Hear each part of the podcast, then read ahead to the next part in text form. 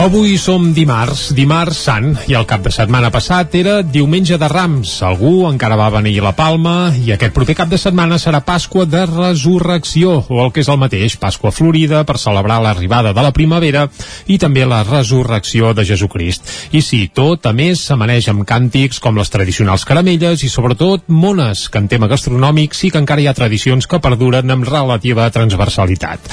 Tot aquest calendari, però, últimament està descafeinat. Costa costa, sobretot entre els més joves, trobar algú que sàpiga què se celebra per Setmana Santa i per què aquesta festa cada any cau en dies diferents. No cal ser de missa ni creient, però Catalunya ve d'on ve, i el nostre calendari festiu ve marcat sobretot pel calendari catòlic, i això s'hauria d'ensenyar a l'escola, sobretot, i també a la tele pública i on faci falta, sense vergonya i sense adoctrinaments gratuïts. No es tracta d'ensenyar religió a l'aula, sinó cultura i tradicions, i evidentment que expliquin també que aquests dies estem de ramadà. Molts catalans són de religió musulmana i es dona el cas que en algunes escoles el desconeixement entre els mateixos companys de classe és total. I això no pot ser.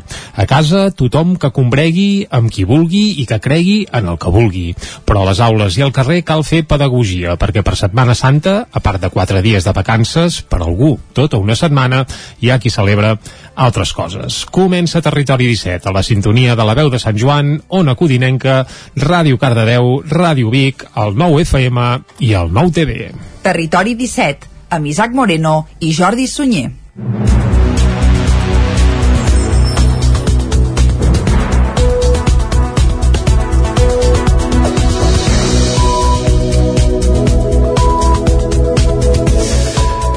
I comencem Territori 17 quan són les 9 i 2 minutets del matí d'avui dimarts dia 12 d'abril de 2022 dimarts sant, com bé dèiem a l'hora d'arrencar i com sempre durant la primera hora avui aquí a Territori 17 us acostarem tota l'actualitat de les nostres comarques. A partir de les 10 més informació, després vindrà l'entrevista avui des de Ràdio Cardedeu i a dos quarts d'onze ens acompanyarà com cada dia en Guillem Sánchez per fer piulades i bé, i divertir-nos una estoneta. Tot seguit passarem per la taula de redacció i qui ens visitarà seran Gil Salvans de l'Agència de l'Energia d'Osona. Ens parlarà de com estan les comunitats eh, locals energètiques que s'estan constituint aquests dies arreu de la comarca i fins i tot més enllà. Ens posarem al dia de comunitats d'energia. Després, a les 11 en punt, actualitzarem de nou el butlletí informatiu i tot seguit parlarem d'economia. És dimarts i això vol dir que ens acompanyarà en Joan Carles Arredondo, cap d'Economia del 9-9 del Vallès Oriental. I a la darrera mitja hora, com cada dia, tindrem temps de pujar a la R3, a la Trenc d'Alba i avui que és dimarts, racó de pensar amb Maria López des de Ràdio Cardedeu.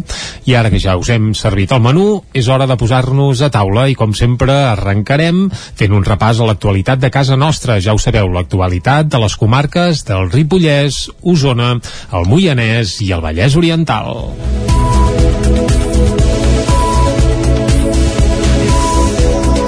I començarem amb actualitat encara derivada del mercat del ram de Vic que va tenir lloc aquest cap de setmana i és que el sector de l'agricultura i la ramaderia es va reivindicar en el marc d'aquesta festivitat usonenca. Unió de Pagesos, per exemple, va aprofitar l'aparador del mercat per fer una nova acció de la campanya La Pagesia diu prou. Ahir us fèiem un primer balanç del mercat del ram de Vic i avui ja tenim les primeres xifres oficials. Per la casa de pagès, per exemple, instal·lada al recinte Firal del Sucre, hi van passar 15.000 persones. És una de les dades de visitants d'un mercat que s'ha acostat a les xifres prepandèmiques després de la suspensió de l'any 2020 i de l'edició reduïda del 2021. La recuperació de la pràctica normalitat coincideix en un moment complicat pel sector ramader, que ha aprofitat el retrobament a la fira per fer-se sentir i interpel·lar les administracions, però també els consumidors. Unió de Pagesos també va aprofitar el mercat del ram per fer una nova mobilització en el marc de la campanya La Pagesia diu prou.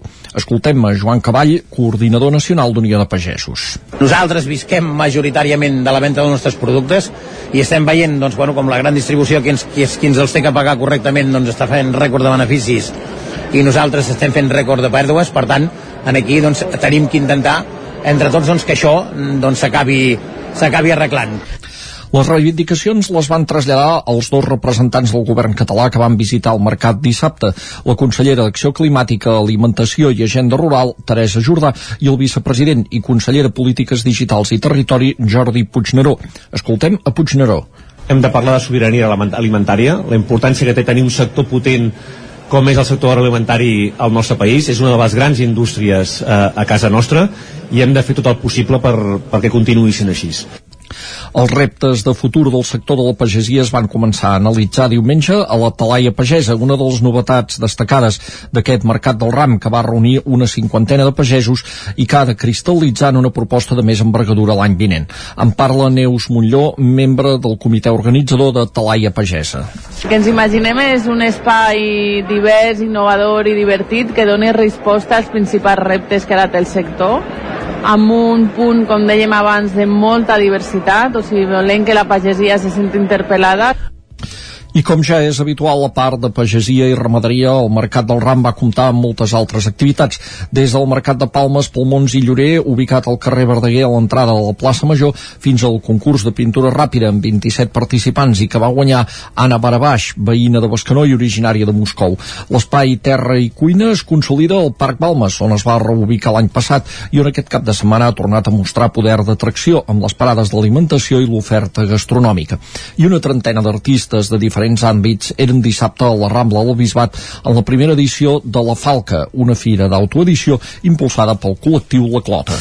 I un altre clàssic del Mercat del Ram és la presència del món casteller. Després de l'aturada de la pandèmia, els segals d'Osona van tornar a actuar a casa en una jornada castellera molt emotiva. Ho van fer completant tres castells de set. L'actuació dels Segals a la plaça Major de Vic sempre és especial, però la d'aquest diumenge ho era encara més per fer-ho davant del seu públic que ho esperava després de l'entrebanc de la pandèmia. En aquesta ocasió havien convidat els xics de Granollers i els castellers de Barcelona, amb qui van obrir la jornada amb un pilar caminant. Els Segals van començar amb un 3 de 7 i a la segona ronda van defensar segurs el primer 4 de 7 de la temporada. A la tercera els tocava fer un pas més, completar el 4 de 7 amb agulla, i ho van aconseguir. Aquest és el balanç que feia de l'actuació Griselda Riera, la cap de colla dels Segals. Fa molta il·lusió. Hi havia molt públic també que ens han vingut a veure i, i estem molt contents. Hem treballat molt els assajos i s'ha vist el resultat perquè ens ha sortit tot bé. Han anat una mica mogudets els últims dos castells que hem fet, però és normal perquè, bueno, era el primer, els dos primers de la temporada i, i bueno, hem de seguir treballant i després ja els farem més quiets, però bueno, que l'objectiu que teníem l'hem complert. La colla usonenca es planteja ara la temporada amb grans reptes. El principal és recuperar efectius, sobretot de la franja més jove. Grisel de Riera. Aquesta temporada serà una temporada difícil, perquè ens trobem que a nivell de canalla eh, els nens tenien una mida quan fèiem castells i ara en tenen una altra i no han passat la transició de canviar de pis i és bastant difícil la formació però bueno, hem d'anar treballant i clar, ens falten nens de la mida que dels més petits els castellers de Barcelona i els xics de Granollers també van completar castells de 7 pisos. El més destacat, el 5 de 7 de la colla barcelonina. I també diumenge al matí a la plaça Major de Vic s'hi va fer el Campionat de Bitlles Catalanes, una altra de les activitats habituals del Mercat del Ram. La competició, que va néixer fa 13 anys de la mà de l'Associació Esportiva i Cultural Vic Bitlles, celebrava l'edició número 11 després dels dos anys d'absència a causa de la Covid-19. Hi van prendre part 42 equips vinguts, entre d'altres, de les comarques de Tarragona, la Costa Brava o la zona de Lleida. Escoltem a Manel Álvarez, president de l'Associació Esportiva i Cultural Vic Bitlles. Nosaltres, com a cultura, eh, eh, intentem introduir les bitlles, tot i que és un esport minoritari, però que es vagi coneguent. Ja portem 11 jornades amb aquesta, aquí al Mercat del Ram, tot i que eh, ens n'han faltat dues, que aquestes ens les deuen de la pandèmia. Eh, en principi, doncs, eh, molt bé, molt bona resposta per la gent, estan molt contents de venir aquí a Vic, la victòria se la van endur els colobrers de Sabadell, acompanyats al podi per un equip de Calella i un altre de Sant Feliu. I al punt i final al Mercat del Ram el van marcar les passes i les llances dels armats la nit de diumenge de Rams. La processó es va recuperar després de dos anys d'absència a causa de la pandèmia encapçalats per la Congregació dels Dolors llargues fileres de congregants amb vesta i atxa, portadors d'improperis, civiles o inscripcions, i els dos cors van desfilar pel seguici, que va plegar centenars de persones, totes guardant un solemne silenci al seu pas. Segons dades de la Congregació dels Dolors, en total hi van participar 500 persones. Qui va tancar la processó va ser el bisbe de Vic, Romà Casanova. L'edició d'aquest any va ser especial pel cor de dones que va poder commemorar el seu desè aniversari, una efemèride que el conjunt de cantaires Figueres havia de celebrar l'any 2020, però la pandèmia ho va impedir. Abans de començar, la seva directora, Anna Casadevall, explicava què va suposar l'arribada del cor de dones a la processó dels armats. Jo crec que el primer any, segon any poder també, després de mica en mica la gent ja s'ha anat acostumant, però sí que va causar una certa sorpresa perquè en tots els anys que té d'antiguitat la processó doncs era la primera vegada que evidentment la dona podia sortir amb la seva imatge eh, no com a ploranera eh, ni com a eh, vestida amb, la vesta sinó això donant la cara Marta Freixa forma part del cor de dones de la processó dels armats des de l'inici. L'escoltem.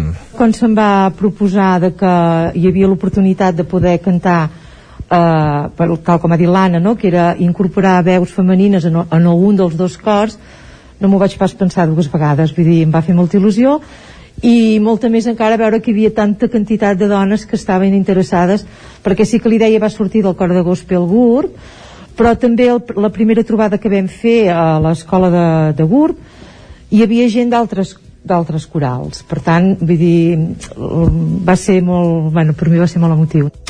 La incorporació de la dona als òrgans de govern de la Congregació dels Dolors no és d'ara, sinó que es remunta al segle XVIII. La sala de govern de les dones, una petita estança de la nau, és precisament on històricament les dones de la congregació prenien les seves pròpies decisions.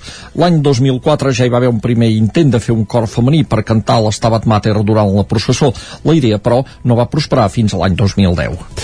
Deixem el Mercat del Ram, deixem Osona i anem cap al Vallès Oriental perquè l'Ajuntament de Vigues i Riells del FAI instal·la vinils amb informació sobre els passos a seguir a comerços locals en cas de violència masclista. Caral Campàs, des d'Ona Codinenca. Els comerços de Vigues i Riells del FAI s'han convertit en punts liles gràcies a una iniciativa de la Regidoria d'Igualtat i Serveis Socials del municipi.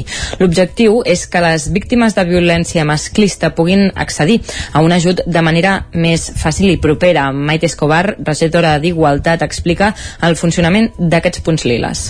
El punt lila que, que fem amb aquest vinil presenta un QR amb, amb un accés ràpid i directe des del mòbil que eh, permet que inclús la persona que que ho necessita no necessiti emportar-se un paper a casa que pugui eh, pues, eh, dir que ja s'està interessant en aquesta situació o que està buscant ajuda. La iniciativa sorgeix de la sinergia amb serveis socials. Des d'aquesta àrea es va proposar aquest nou format per la proximitat que poden tenir els ciutadans amb les persones que porten aquests petits comerços i negocis del poble, amb qui poden tenir més confiança que amb la policia o amb els tècnics de serveis socials. Joan Ervilla és un dels comerciants que s'ha adherit a la iniciativa col·locant un vinil a la porta del seu comerç. Amb, amb el tema aquest, o pot donar informació, o si inclús nosaltres detectem eh, que és un cas sospitós de, de violència de gènere, pues, també el podem reconduir o donar-li la informació d'una manera dissimulada, diguéssim, eh, entre cometes.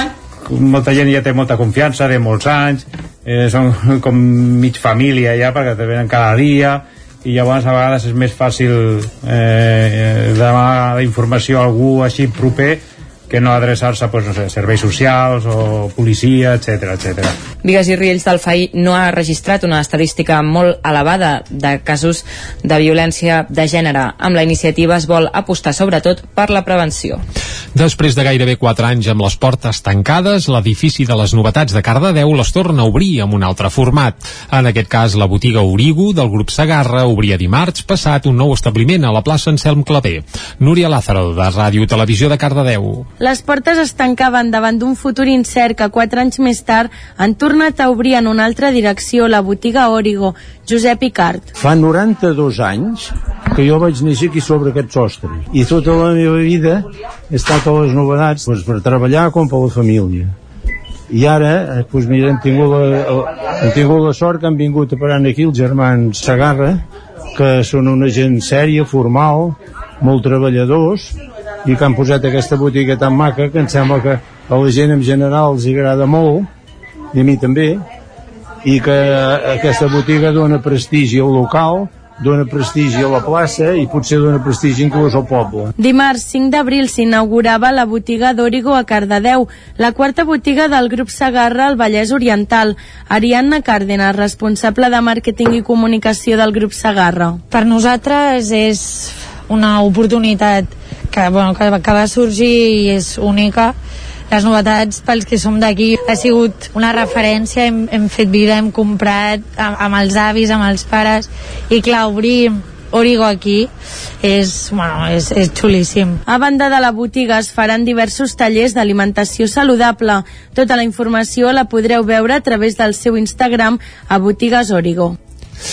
I acabem el repàs informatiu de primera hora del dia anant cap al Ripollès. I és que l'Ajuntament de Camprodon conservarà els béns del compositor Isaac Albéniz després d'aprovar un conveni amb els amics del Museu de la Vila. Isaac Muntades, des de la veu de Sant Joan. L'Ajuntament de Camprodon va aprovar un conveni de col·laboració amb l'Associació d'Amics del Museu Isaac Albéniz de la Vila, l'AMIAC. L'acord insta el consistori a conservar els béns i patrimoni del compositor i pianista camprodoní i estableix com han de ser les relacions entre les dues institucions, és a dir, la família i la l'AMIAC han de presentar els projectes que volen dur a terme perquè l'Ajuntament decideixi com hi col·labora econòmicament. Abans hi havia una fundació pública amb un representant del consistori i una persona de l'entorn al Benis que en gestionaven el llegat, però que no acabava de funcionar i es va tancar. El grup de Més Camprodon Esquerra Republicana de Catalunya va votar-hi en contra tot i considerar-lo necessari. El porteu republicà Joaquim Coc el veia insuficient i va demanar que es deixés sobre la taula per treballar-lo més, ja que hi notava imperfeccions i no entenia la urgència de la proposta. L'alcalde Xavi Guitar, de Tots per Camprodon Camprodon PSC va respondre-li que havien incorporat 8 de les 9 aportacions que havien fet i es va sorprendre del vot contrari.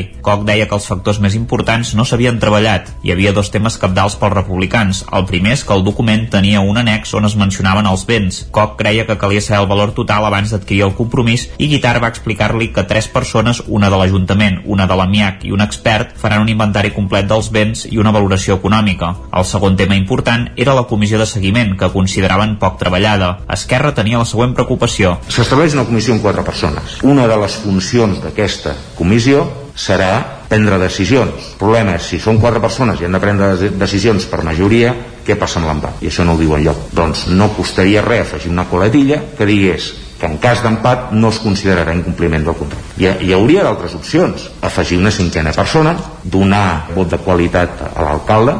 Si l'alcalde té vot de qualitat, doncs no hi hem d'afegir més persones. Si hi hagués una cinquena persona, doncs ara nosaltres vam proposar que hi hagués una cinquena persona que representés el grup no de govern més votat. Guitar va respondre-li això. No serem nosaltres qui decidirà què farà i què no farà el MIAC, sinó que serem ells que són una associació i faran entre cometes el que voldran. No es tracta d'anar a votar sinó que es tracta de que una comissió de seguiment en la qual dubto que hi hagi moltes resolucions i moltes coses a votar. El tema de la paritat i el tema de, de que siguin dos i dos jo crec que aquest era una veu que clamava al cel i una mica el que, el que sí que era la primera premissa és que la part pública no pogués tenir un pes important dins qualsevol resolució perquè normalment era la part pública qui encallava les coses. I si són quatre podrien ser sis. Això sí que podríem arribar a debatre o discutir-ho però que siguin parells era una mica per aquest aspecte perquè ningú pogués trencar el vot de decantar la balança cap a un costat o cap a un altre sinó tot consensuat. Esquerra també va demanar la figura d'un secretari per aixecar actes de les reunions i que es fes una mediació abans que es produís qualsevol conflicte per evitar contenciosos judicials. I fins aquí el butlletí informatiu que us hem ofert amb les veus de Jordi Vilar Rodà, Isaac Muntades, Caral Campàs i Núria Lázaro. Ara el que ens toca és parlar del temps.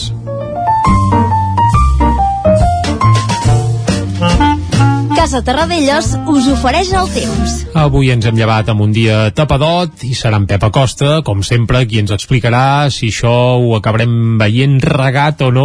Aviam si serà un dia passat per aigua. Pep, va, molt bon dia. Molt bon dia. Bon dia, bon dia. Benvinguts un dia més a l'Espai del Temps. Gràcies. I fidels a la cita. I tant. El temps important aquesta setmana. I tant, més que mai. plena Setmana Santa. Molta gent de vacances. I tant. I ens llevem amb un dia molts núvols, molts núvols, uh, aquest front atlàntic ja el tenim a sobre, Uh -huh.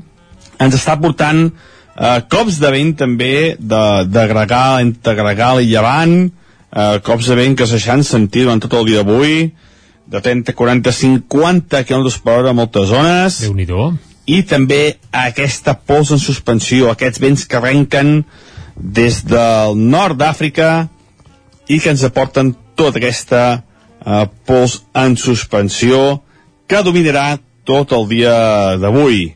Ahir va ser un dia molt suau, amb molt de sol, un dia 100% de primavera, i avui eh, ja veieu, eh, la cosa ja ha canviat, eh, com deia, aquest, aquest front atlàntic que ens està afectant, farà que la temperatura sigui més baixa que ahir. Avui la, les màximes es mouran entre els 14, 15, 16 graus a tot estirar, eh, degut a que hi haurà molts més núvols.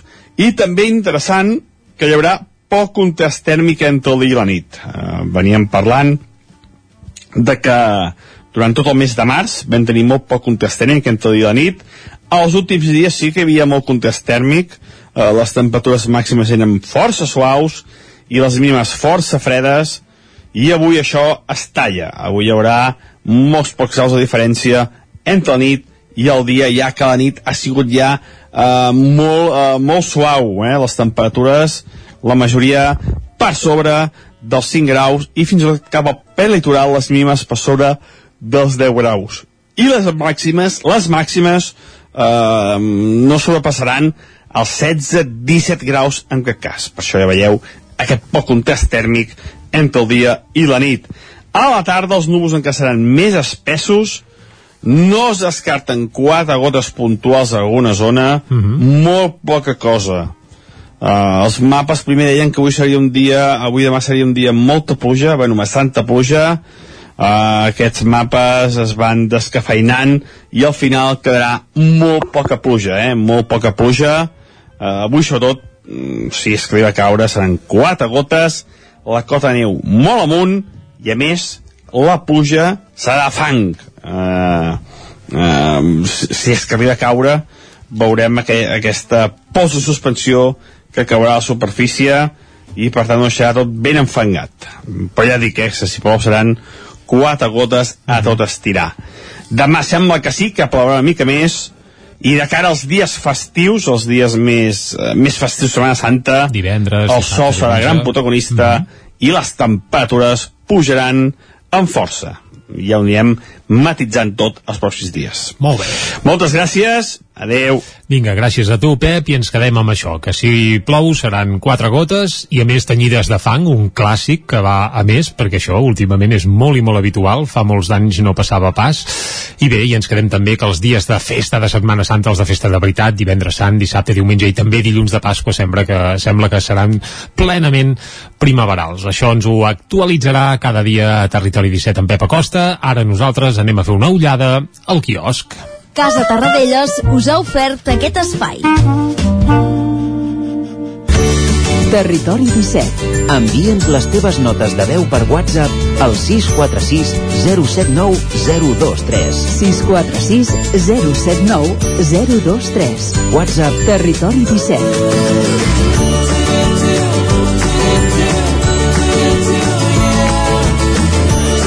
Territori 17. Som a Facebook, Twitter i Instagram amb l'usuari Territori 17.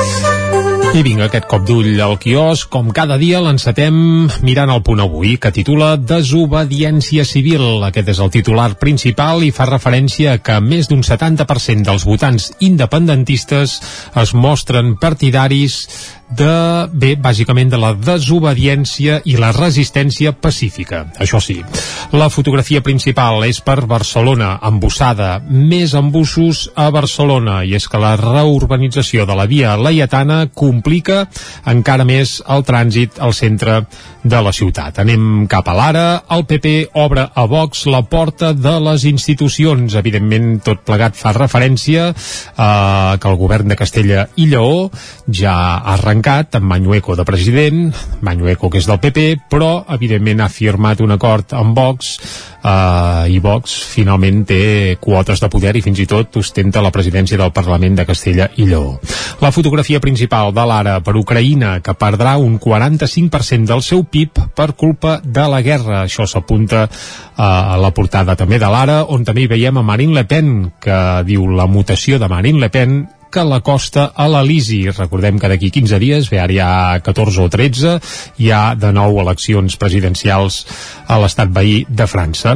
Anem cap al periòdico. La majoria rebutja que no s'investigui l'emèrit. Aquest és el titular eh, principal del periòdico. Titulen 10 anys de desprestigi del pare del rei i el 60%, el 67% dels espanyols contra la decisió de la Fiscalia, segons un sondeig d'aquests que apareixen a vegades, que no saps gaire bé d'on van ni d'on venen, però vaja, eh, sembla que els espanyols cada cop són menys partidaris de mantenir eh, el Borbó eh, immune. També Macron a la caça dels votants de Mélenchon. Mélenchon, evidentment, és el líder de l'esquerra de francesa i eh, necessitaria els seus votants per ser investit president.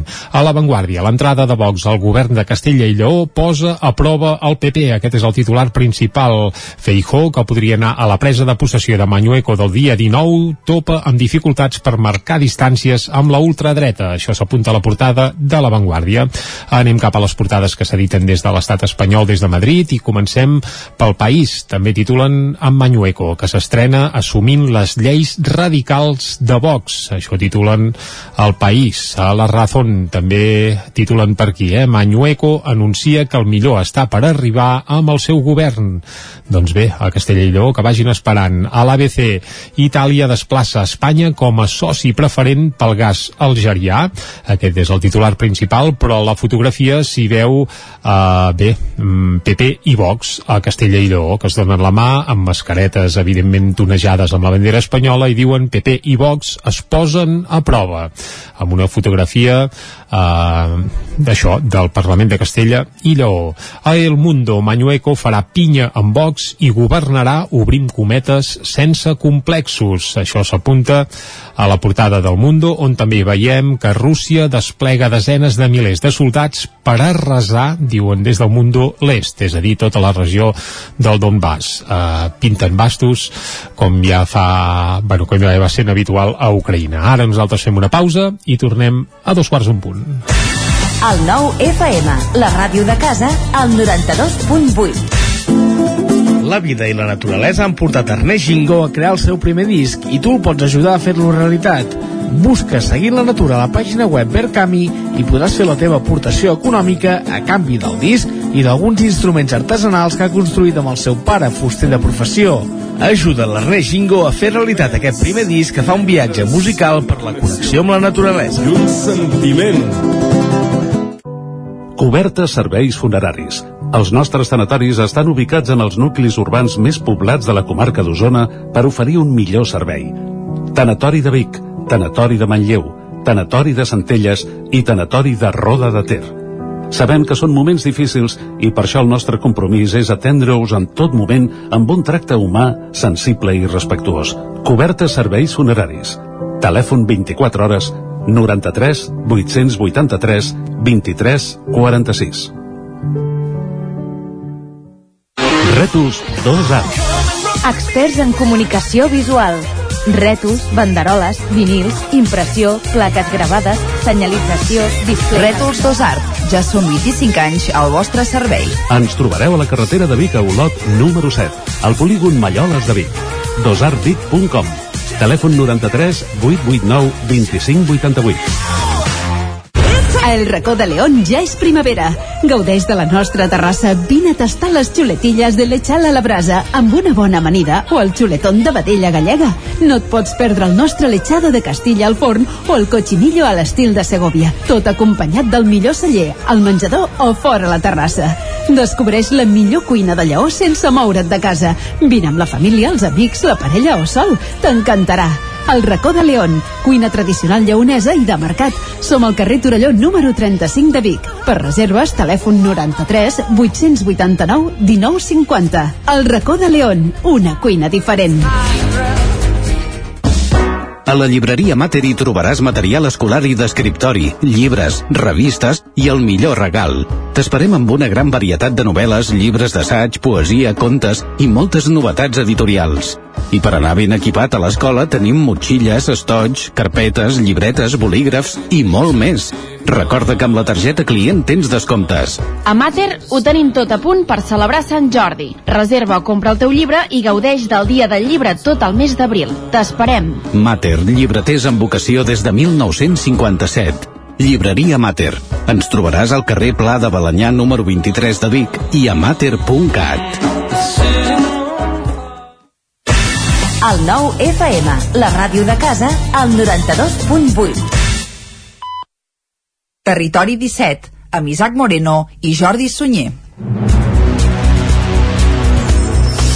Són dos quarts de deu en punt d'avui dimarts, dia 12 d'abril de 2022. Dimarts sant, en plena Setmana Santa, territori 17, i ja avancem que demà també hi serem, dimecres sant, però que dijous, divendres, dissabte, diumenge i dilluns ens agafarem això, una mica de festes de Setmana Santa, per tant no ens retrobarem fins al dimarts, després del dilluns de Pasqua, però tant avui com demà encara serem aquí fent-vos companyia i ara ja us avancem els continguts que tindrem al programa d'avui. Per exemple, exemple, una mica abans de les 10, després d'actualitzar-nos de nou i repassar altra vegada l'actualitat de casa nostra, el que farem és posar-hi una mica de música. I avui celebrarem que hi ha un disc molt especial que fa 10 anys. Es tracta de les ratlles del banyador, el disc que va consolidar la iaia com un dels projectes de, bé, de més envergadura a l'escena nacional. Ara es commemoren 10 anys de l'edició d'aquell disc i se n'ha fet una edició especial en vinil d'aquell disc i nosaltres avui escoltarem un dels temes que formaven part del del projecte La Iaia, que liderava Ernest Cruzats, un projecte que, per cert, ara mateix es troba eh, congelat i enllaunat. Però explicarem alguna cosa abans d'escoltar la cançó i és que uh, s'alvira un pseudo retorn. Ho descobrirem a les 10 que s'amaga darrere d'això. Va, a les 10 actualitzarem butlletí informatiu, passarem pel temps amb en Pep Acosta i tot seguit arribarà l'entrevista. Avui des de Ràdio Televisió de Cardedeu parlarem amb Verònica Vidal, que és regidora de Mobilitat de l'Ajuntament de Cardedeu.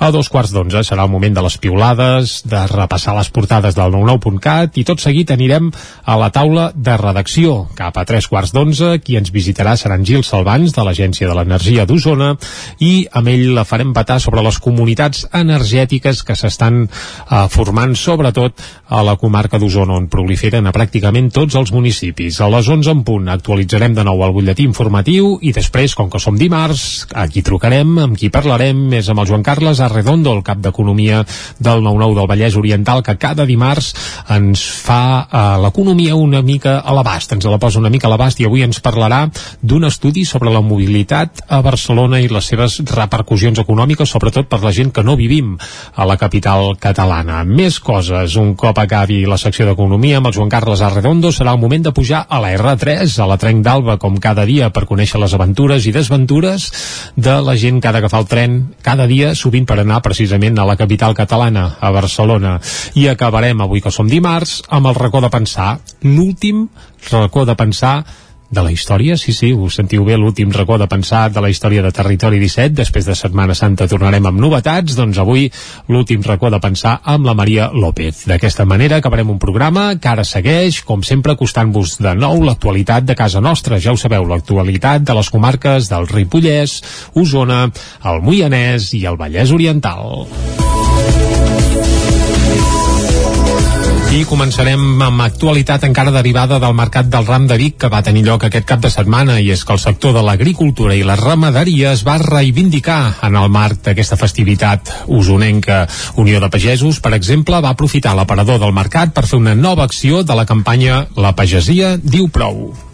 Ahir us fèiem un primer balanç del mercat del ram de Vic i avui ja tenim les primeres xifres oficials. Per la casa de pagès, per exemple, instal·lada al recinte firal del Sucre, hi van passar 15.000 persones. És una de les dades de visitants d'un mercat que s'ha acostat a les xifres prepandèmiques després de la suspensió de l'any 2020 i de l'edició reduïda del 2021. La recuperació de la pràctica normalitat coincideix en un moment complicat pel sector ramader, que ha aprofitat el retrobament a la fira per fer-se sentir i interpel·lar les administracions, però també els consumidors. Unió de Pagesos també va aprofitar el mercat del ram per fer una nova mobilització en el marc de la campanya La pagesia diu prou. Escoltem a Joan Cavall, coordinador nacional d'Unió de Pagesos. Nosaltres visquem majoritàriament de la venda dels nostres productes i estem veient doncs, bueno, com la gran distribució qui ens, qui, qui ens els té que pagar correctament doncs, està està fent rècord de beneficis i nosaltres estem fent rècord de pèrdues, per tant, en aquí doncs, tenim que intentar entre tots doncs, que això doncs, s'acabi s'acabi arreglant.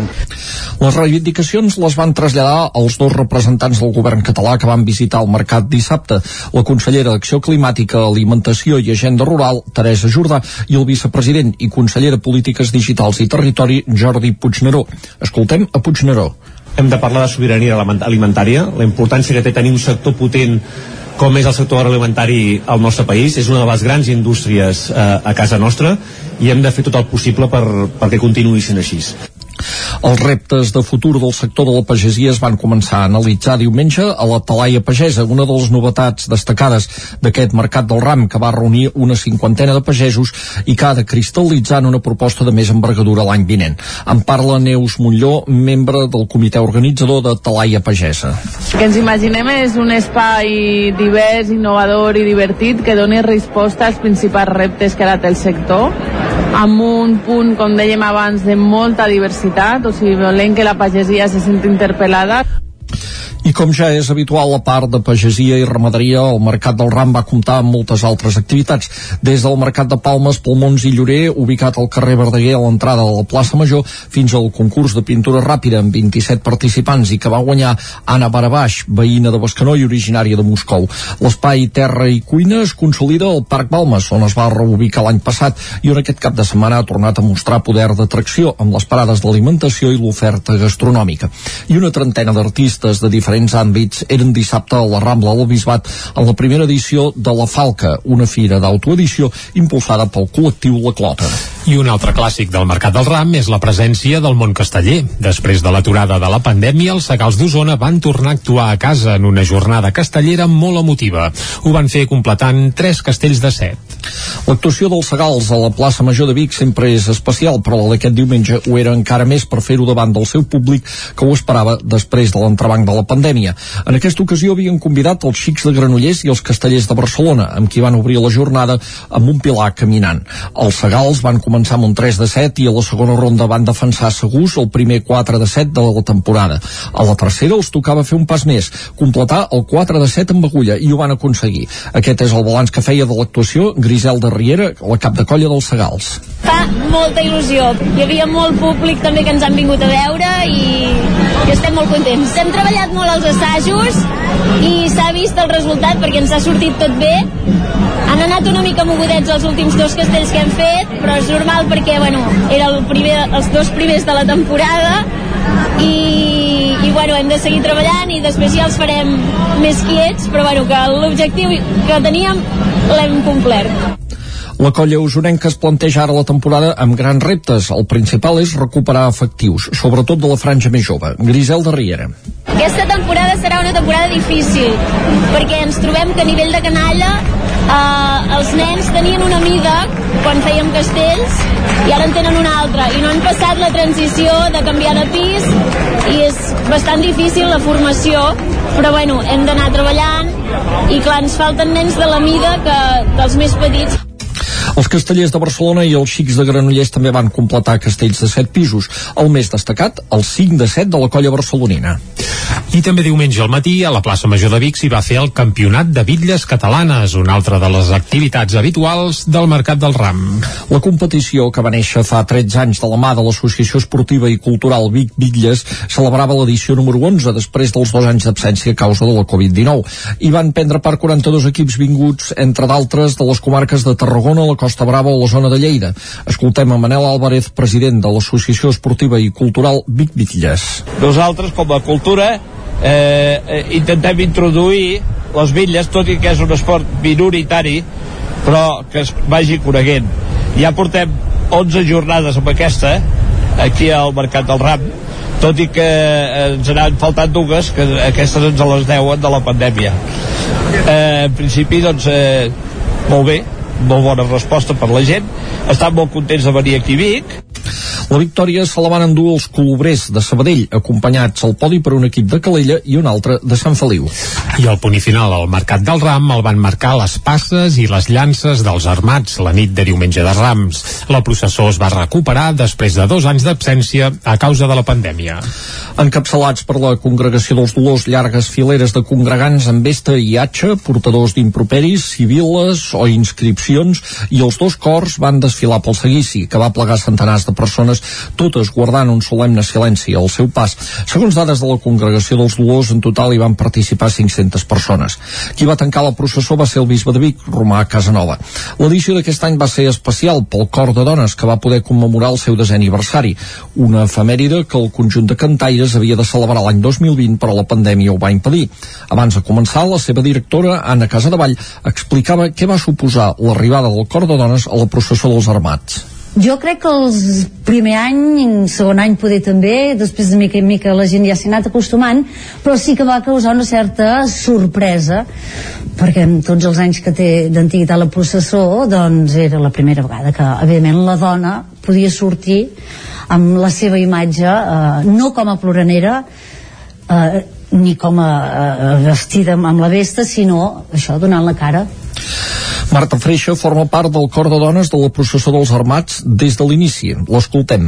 Quan se'm va proposar de que hi havia l'oportunitat de poder cantar eh, per, tal com ha dit l'Anna, no? que era incorporar veus femenines en, en algun dels dos cors, no m'ho vaig pas pensar dues vegades, vull dir, em va fer molta il·lusió i molta més encara veure que hi havia tanta quantitat de dones que estaven interessades perquè sí que l'idea va sortir del cor de gospel GURB però també el, la primera trobada que vam fer a l'escola de, de Gurb hi havia gent d'altres d'altres corals, per tant vull dir, va ser molt bueno, per mi va ser molt emotiu la incorporació de la dona als òrgans de govern de la Congregació dels Dolors no és d'ara, sinó que es remunta al segle XVIII. La sala de govern de les dones, una petita estança de la nau, és precisament on històricament les dones de la congregació prenien les seves pròpies decisions. L'any 2004 ja hi va haver un primer intent de fer un cor femení per cantar l'Estabat Mater durant la processó. La idea, però, no va prosperar fins a l'any 2010. Deixem el Mercat del Ram, deixem Osona i anem cap al Vallès Oriental perquè l'Ajuntament de Vigues i Riells del FAI instal·la vinils amb informació sobre els passos a seguir a comerços locals en cas de violència masclista. Caral Campàs, des d'Ona Codinenca. Els comerços de Vigues i Riells del FAI s'han convertit en punts liles gràcies a una iniciativa de la Regidoria d'Igualtat i Serveis Socials del municipi. L'objectiu és que les víctimes de violència masclista puguin accedir a un ajut de manera més fàcil i propera. Maite Escobar, regidora d'Igualtat, explica el funcionament d'aquests punts liles. El punt lila que, que fem amb aquest vinil presenta un QR amb, amb un accés ràpid i directe des del mòbil que eh, permet que inclús la persona que que ho necessita no necessita emportar-se un paper a casa que pugui eh, pues, eh, dir que ja s'està interessant en aquesta situació o que està buscant ajuda. La iniciativa sorgeix de la sinergia amb serveis socials. Des d'aquesta àrea es va proposar aquest nou format per la proximitat que poden tenir els ciutadans amb les persones que porten aquests petits comerços i negocis del poble, amb qui poden tenir més confiança que amb la policia o amb els tècnics de serveis socials. Joan Hervilla és un dels comerciants que s'ha adherit a la iniciativa col·locant un vinil a la porta del seu comerç. Amb, amb, amb el tema aquest o pot donar informació o si inclús nosaltres detectem eh, que és un cas sospitós de, de violència de gènere pues, també el podem reconduir o donar-li la informació d'una manera dissimulada, diguéssim, eh, entre cometes molta gent ja té molta confiança de molts anys eh, són com mig família ja perquè te venen cada dia i llavors a vegades és més fàcil eh, eh demanar la informació a algú així proper que no adreçar-se pues, no sé, a serveis socials o policia, etc etc. Vigues i Riells del FAI no ha registrat una estadística molt elevada de casos de violència de gènere. Amb la iniciativa es vol apostar sobretot per la prevenció. Després de gairebé 4 anys amb les portes tancades, l'edifici de les novetats de Cardedeu les torna a obrir amb un altre format. En aquest cas, la botiga Origo del grup Sagarra obria dimarts passat un nou establiment a la plaça Anselm Clavé. Núria Lázaro, de Ràdio Televisió de Cardedeu. Les portes es tancaven davant d'un futur incert que quatre anys més tard han tornat a obrir en una altra direcció la botiga Origo, Josep Icart. Fa 92 anys que jo vaig néixer aquí sobre aquest sostre i tota la meva vida he estat a les novedats doncs, per treballar com per la família i ara, eh, doncs mira, hem tingut, la, hem tingut la sort que han vingut a parar aquí els germans Sagarra que són una gent sèria, formal molt treballadors i que han posat aquesta botiga tan maca que em sembla que a la gent en general els agrada molt i a mi també i que aquesta botiga dona prestigi al local dona prestigi a la plaça i potser dona prestigi inclús al poble. Dimarts 5 d'abril s'inaugurava la botiga d'Origo a Cardedeu, la quarta botiga del grup Sagarra al Vallès Oriental. Ariadna Càrdenas, responsable de màrqueting i comunicació del grup Sagarra. Per nosaltres és una oportunitat que, bueno, que, que va sorgir i és única les novetats pels que som d'aquí ha sigut una referència hem, hem fet vida, hem comprat amb, amb els avis, amb els pares i clar, obrir Origo aquí és, bueno, és, és xulíssim. A banda de la botiga es faran diversos tallers d'alimentació saludable. Tota la informació la podreu veure a través del seu Instagram a Botigues Origo. I acabem el repàs informatiu de primera hora del dia anant cap al Ripollès. I és que l'Ajuntament de Camprodon conservarà els béns del compositor Isaac Albéniz després d'aprovar un conveni amb els amics del Museu de la Vila. Isaac Muntades, des de la veu de Sant Joan. L'Ajuntament de Camprodon va aprovar un conveni de col·laboració amb l'Associació d'Amics del Museu Isaac Albéniz de la Vila, l'AMIAC. L'acord insta el consistori a conservar els béns i patrimoni del compositor i pianista camprodoní i estableix com han de ser les relacions entre les dues institucions, és a dir, la família i l'AMIAC han de presentar els projectes que volen dur a terme perquè l'Ajuntament decideixi com hi col·labora econòmicament. Abans hi havia una fundació pública amb un representant del consistori i una persona de l'entorn al Benis que en gestionaven el llegat, però que no acabava de funcionar i es va tancar. El grup de Més Camprodon Esquerra Republicana de Catalunya va votar-hi en contra tot i considerar-lo necessari. El porteu republicà Joaquim Coc el veia insuficient i va demanar que es deixés sobre la taula per treballar-lo més, ja que hi notava imperfeccions i no entenia la urgència de la proposta. L'alcalde Xavi Guitar, de Tots per Camprodon PSC va respondre-li que havien incorporat 8 de les 9 aportacions que havien fet i es va sorprendre del vot contrari. Koch deia que els factors més importants no s'havien treballat. Hi havia dos temes capdals pels republicans. El primer és que el document tenia un annex on es mencionaven els béns. Koch creia que calia saber el valor total abans d'adquirir el compromís i Guitar va explicar-li que tres persones, una de l'Ajuntament, una de l'AMIAC i un expert, faran un inventari complet dels béns i una valoració econòmica. El segon tema important era la comissió de seguiment, que consideraven poc treballada. Esquerra tenia la següent preocupació. S'estableix una comissió amb quatre persones. Una de les funcions d'aquesta comissió serà prendre decisions. El problema és, si són quatre persones i han de prendre decisions per majoria, què passa amb l'empat? I això no ho diu enlloc. Doncs no costaria res afegir una coletilla que digués que en cas d'empat no es considerarà incompliment del contracte. Hi, hi hauria d'altres opcions. Afegir una cinquena persona, donar vot de qualitat a l'alcalde. Si l'alcalde té vot de qualitat, doncs no hi hem d'afegir més persones. Si hi hagués una cinquena persona, doncs era, nosaltres vam proposar que hi hagués una cinquena persona que representés el grup no de govern més votat. Guitar va respondre-li això. No serem nosaltres qui decidirà què farà i què no farà el MIAC, sinó que seran ells que són una associació i faran entre cometes el que voldran. No es tracta d'anar a votar, sinó que es tracta de que una comissió de seguiment en la qual dubto que hi hagi moltes resolucions i moltes coses a votar. El tema de la paritat i el tema de, de que siguin dos i dos, jo crec que aquest era una veu que clamava al cel i una mica el que, el que sí que era la primera premissa és que la part pública no pogués tenir un pes important dins qualsevol resolució perquè normalment era la part pública qui encallava les coses i si són quatre podrien ser sis això sí que podríem arribar a debatre o discutir-ho però que siguin parells era una mica per aquest aspecte perquè ningú pogués trencar el vot de decantar la balança cap a un costat o cap a un altre sinó tot consensuat Esquerra també va demanar la figura d'un secretari per aixecar actes de les reunions i que es fes una mediació abans que es produís qualsevol conflicte per evitar contenciosos judicials.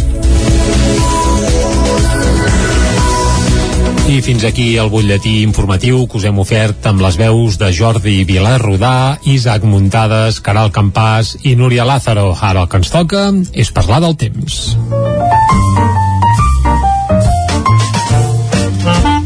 Casa Terradellos us ofereix el temps. Avui ens hem llevat amb un dia tapadot i serà en Pep Acosta, com sempre, qui ens explicarà si això ho acabarem veient regat o no. Aviam si serà un dia passat per aigua. Pep, va, molt bon dia. Molt bon dia. Bon dia, bon dia. Benvingut un dia més a l'Espai del Temps. Gràcies. I fidels a la cita. I tant.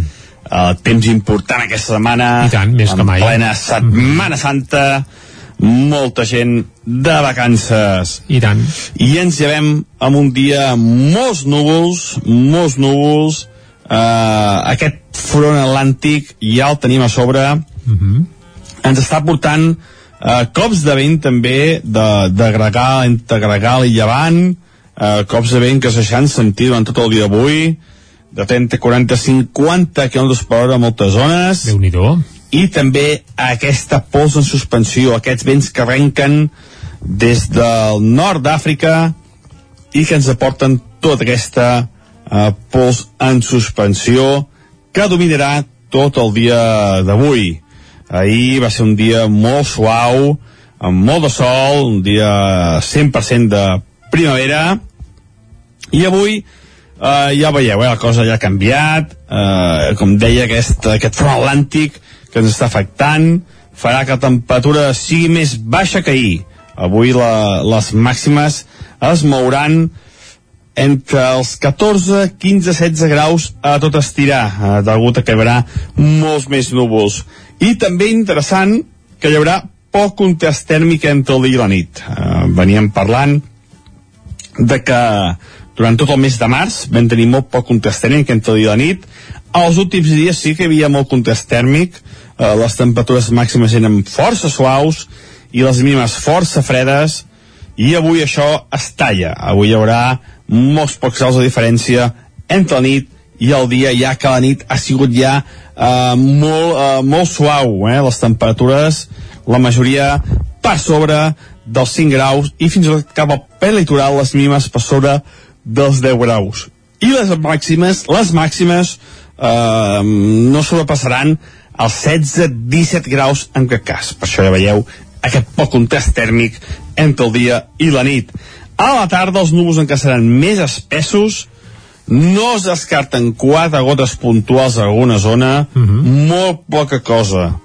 Uh, els mapes primer deien que avui seria un dia, avui demà seria un dia amb molta pluja, bueno, bastanta pluja, uh, aquests mapes es van descafeinant i al final quedarà molt poca pluja, eh? molt poca pluja, uh, avui sobretot mm, si es a caure seran quatre gotes, la cota neu molt amunt i a més la pluja serà fang uh, uh, si es arriba a caure veurem aqu aquesta pols de suspensió que caurà a la superfície i per tant ho deixarà tot ben enfangat però ja dic eh, si plou seran quatre gotes a tot estirar demà sembla que sí que plourà una mica més i de cara als dies festius, els dies més, eh, més festius de Setmana Santa, divendres, el sol serà gran protagonista mm -hmm. i les temperatures pujaran amb força.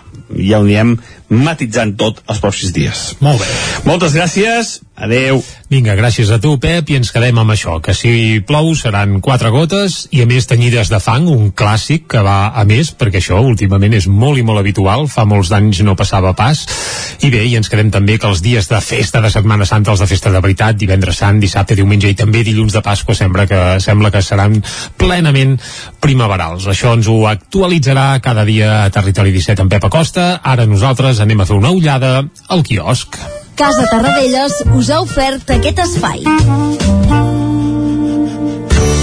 Territori 17. Envia'ns les teves notes de veu per WhatsApp al 646 079 023. 646 079 023. WhatsApp Territori 17.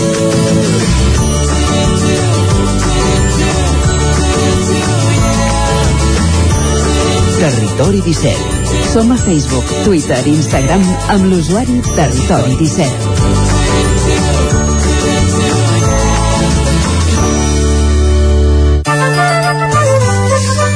I vinga, aquest cop d'ull al quiosc, com cada dia l'encetem mirant el punt avui, que titula Desobediència civil. Aquest és el titular principal i fa referència que més d'un 70% dels votants independentistes es mostren partidaris de, bé, bàsicament de la desobediència i la resistència pacífica. Això sí, la fotografia principal és per Barcelona, embussada, més embussos a Barcelona, i és que la reurbanització de la via Laietana complica encara més el trànsit al centre de la ciutat. Anem cap a l'ara, el PP obre a Vox la porta de les institucions. Evidentment, tot plegat fa referència a que el govern de Castella i Lleó ja ha arrencat amb Mañueco de president, Mañueco que és del PP, però evidentment ha firmat un acord amb Vox eh, i Vox finalment té quotes de poder i fins i tot ostenta la presidència del Parlament de Castella i Lleó. La fotografia principal de l'ara per Ucraïna, que perdrà un 45% del seu PIB per culpa de la guerra. Això s'apunta a la portada també de l'ara, on també veiem a Marine Le Pen, que diu la mutació de Marine Le Pen que la costa a l'Elisi. Recordem que d'aquí 15 dies, bé, ara hi ha 14 o 13, hi ha de nou eleccions presidencials a l'estat veí de França. Anem cap al periòdico. La majoria rebutja que no s'investigui l'emèrit. Aquest és el titular eh, principal del periòdico. Titulen 10 anys de desprestigi del pare del rei i el 60% el 67% dels espanyols contra la decisió de la Fiscalia, segons un sondeig d'aquests que apareixen a vegades, que no saps gaire bé d'on van ni d'on venen, però vaja, eh, sembla que els espanyols cada cop són menys partidaris de mantenir eh, el Borbó eh, immune. També Macron a la casa dels votants de Mélenchon. Mélenchon, evidentment, és el líder de l'esquerra de francesa i eh, necessitaria els seus votants per ser investit president. A l'avantguàrdia, l'entrada de Vox al govern de Castella i Lleó posa a prova el PP. Aquest és el titular principal. Feijó, que podria anar a la presa de possessió de Mañueco del dia 19, topa amb dificultats per marcar distàncies amb la ultradreta. Això s'apunta a la portada de l'avantguàrdia. Anem cap a les portades que s'editen des de l'estat espanyol des de Madrid i comencem pel país. També titulen amb Mañueco, que s'estrena assumint les lleis radicals de Vox. Això titulen el país. A la Razón també titulen per aquí, eh? Mañueco anuncia que el millor està per arribar amb el seu govern. Doncs bé, a Castella i Lleó que vagin esperant. A l'ABC, Itàlia desplaça Espanya com a soci preferent pel gas algerià. Aquest és el titular principal, però la fotografia s'hi veu, eh, bé, PP mm, i Vox a Castella i Lleó, que es donen la mà amb mascaretes, evidentment tonejades amb la bandera espanyola, i diuen PP i Vox es posen a prova. Amb una fotografia eh, d'això, del Parlament de Castella i Lleó.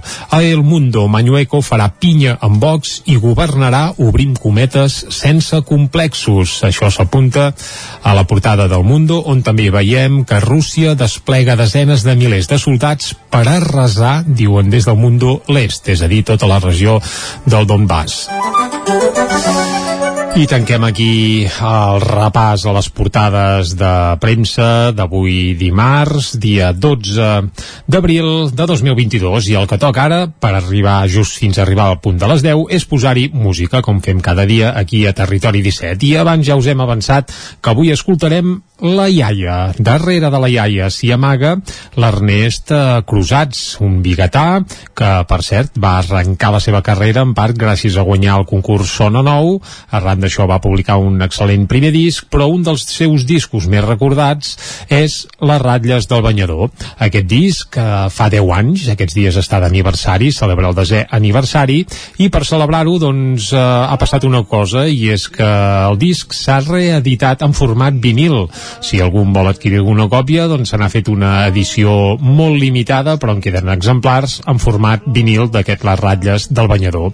I aprofitant també aquesta reedició, l'Ernest Cruzats ha avançat que torna, però atenció, no torna la iaia, sinó que aquest 2022 el que tornarà o el que vindrà serà el primer disc en solitari de l'Ernest Cruzats, és a dir, el disc no es titularà, no serà el disc de la iaia, sinó que serà el primer disc d'Ernest Cruzats. Això passarà durant aquest 2022, de moment no en sabem més detalls, però bé, el que sí que sabem és que ens podem quedar amb aquesta platja, una de les cançons que va fer més fortuna de les ratlles del banyador, un disc que aquests dies està d'aniversari perquè compleix 10 anys.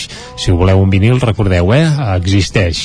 Va, escoltarem La platja, ara que s'acosta el bon temps, sobretot d'aquí un parell de dies, i ens ho ha dit en Pep Acosta, doncs ens quedem amb La platja fins, i amb això arribarem fins a les 10, aquí a Territori 17. Vinga, fins ara. El segon i el tercer i va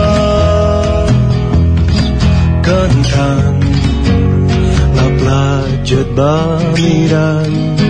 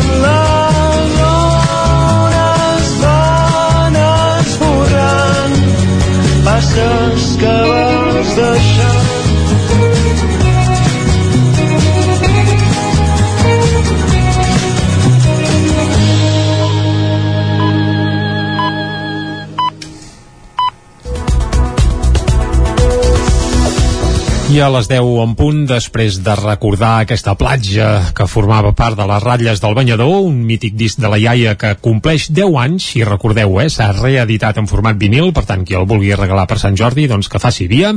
Doncs després de recordar aquesta efemèride, el que ens toca ara a les 10 en punt és acostar-vos de nou l'actualitat de les nostres comarques. Ja ho sabeu, les comarques del Ripollès, Osona, el Moianès i el Vallès Oriental. I comencem anant cap al Ripollès perquè es presenten 59 i 113 propostes als pressupostos participatius de Ripoll i Sant Joan de les Abadesses, respectivament. Ens ho explica Isaac Muntades des de la veu de Sant Joan. Els pressupostos participatius de Ripoll i Sant Joan de les Abadeses continuen avançant de fase. Enguany, a la capital del Ripollès fan la cinquena edició d'aquests pressupostos participatius i des del dia 4 fins al 25 d'abril s'està fent un procés de validació tècnica per decidir quines propostes són aptes per passar a la fase d'exposició i votació. En total, l'Ajuntament de Ripoll va recollir 59 propostes. D'aquestes, 37 van ser presentades en línia a través del formulari de la pàgina web, mentre que les 22 restants es van presentar de manera presencial a les urnes que hi havia repartides en diversos indrets de la vila. Hi ha 39 propostes que es corresponen a la partida de 115.000 euros per inversions i 20 per a la de 15.000 euros, que està destinada a serveis. El consistori va apuntar que de totes les propostes presentades, n'hi ha 17 que estan repetides perquè plantegen el mateix. Per tant, s'han agrupat en 5 temàtiques o projectes diferents. Després del procés de validació del 26 d'abril al 3 de maig vindrà un període per exposar els projectes a la taula de propostes. En el seu moment es fixarà una data d'un taller on es podran defensar. Cal dir que la participació hauria augmentat encara que l'any passat se n'haguessin presentat 92, ja que es van agrupar aquelles que s'havien fet durant el 2020 i el 2021, perquè la pandèmia no va permetre dur a terme els pressupostos participatius en una ocasió. A Sant Joan s'està duent a terme la segona edició dels pressupostos participatius i s'han presentat 113 propostes, una xifra molt elevada. Durant els mesos d'abril i maig es farà la validació tècnica de les propostes rebudes. Al mes de juny es farà una jornada participativa per prioritzar les propostes que passen a la fase final de la votació. Entre el setembre i octubre es farà la votació final durant un període de 3 setmanes en què es podrà votar en línia o de forma física totes les persones que tinguin més de 16 anys i que estiguin empadronades a Sant Joan. El 2023 s'executaran les propostes guanyadores. I del Ripollès cap al Vallès Oriental perquè l'Ajuntament de Vigues i Riells del FAI començarà les obres d'urbanització de l'Avinguda de Santa Eulàlia el proper dia 26 d'abril.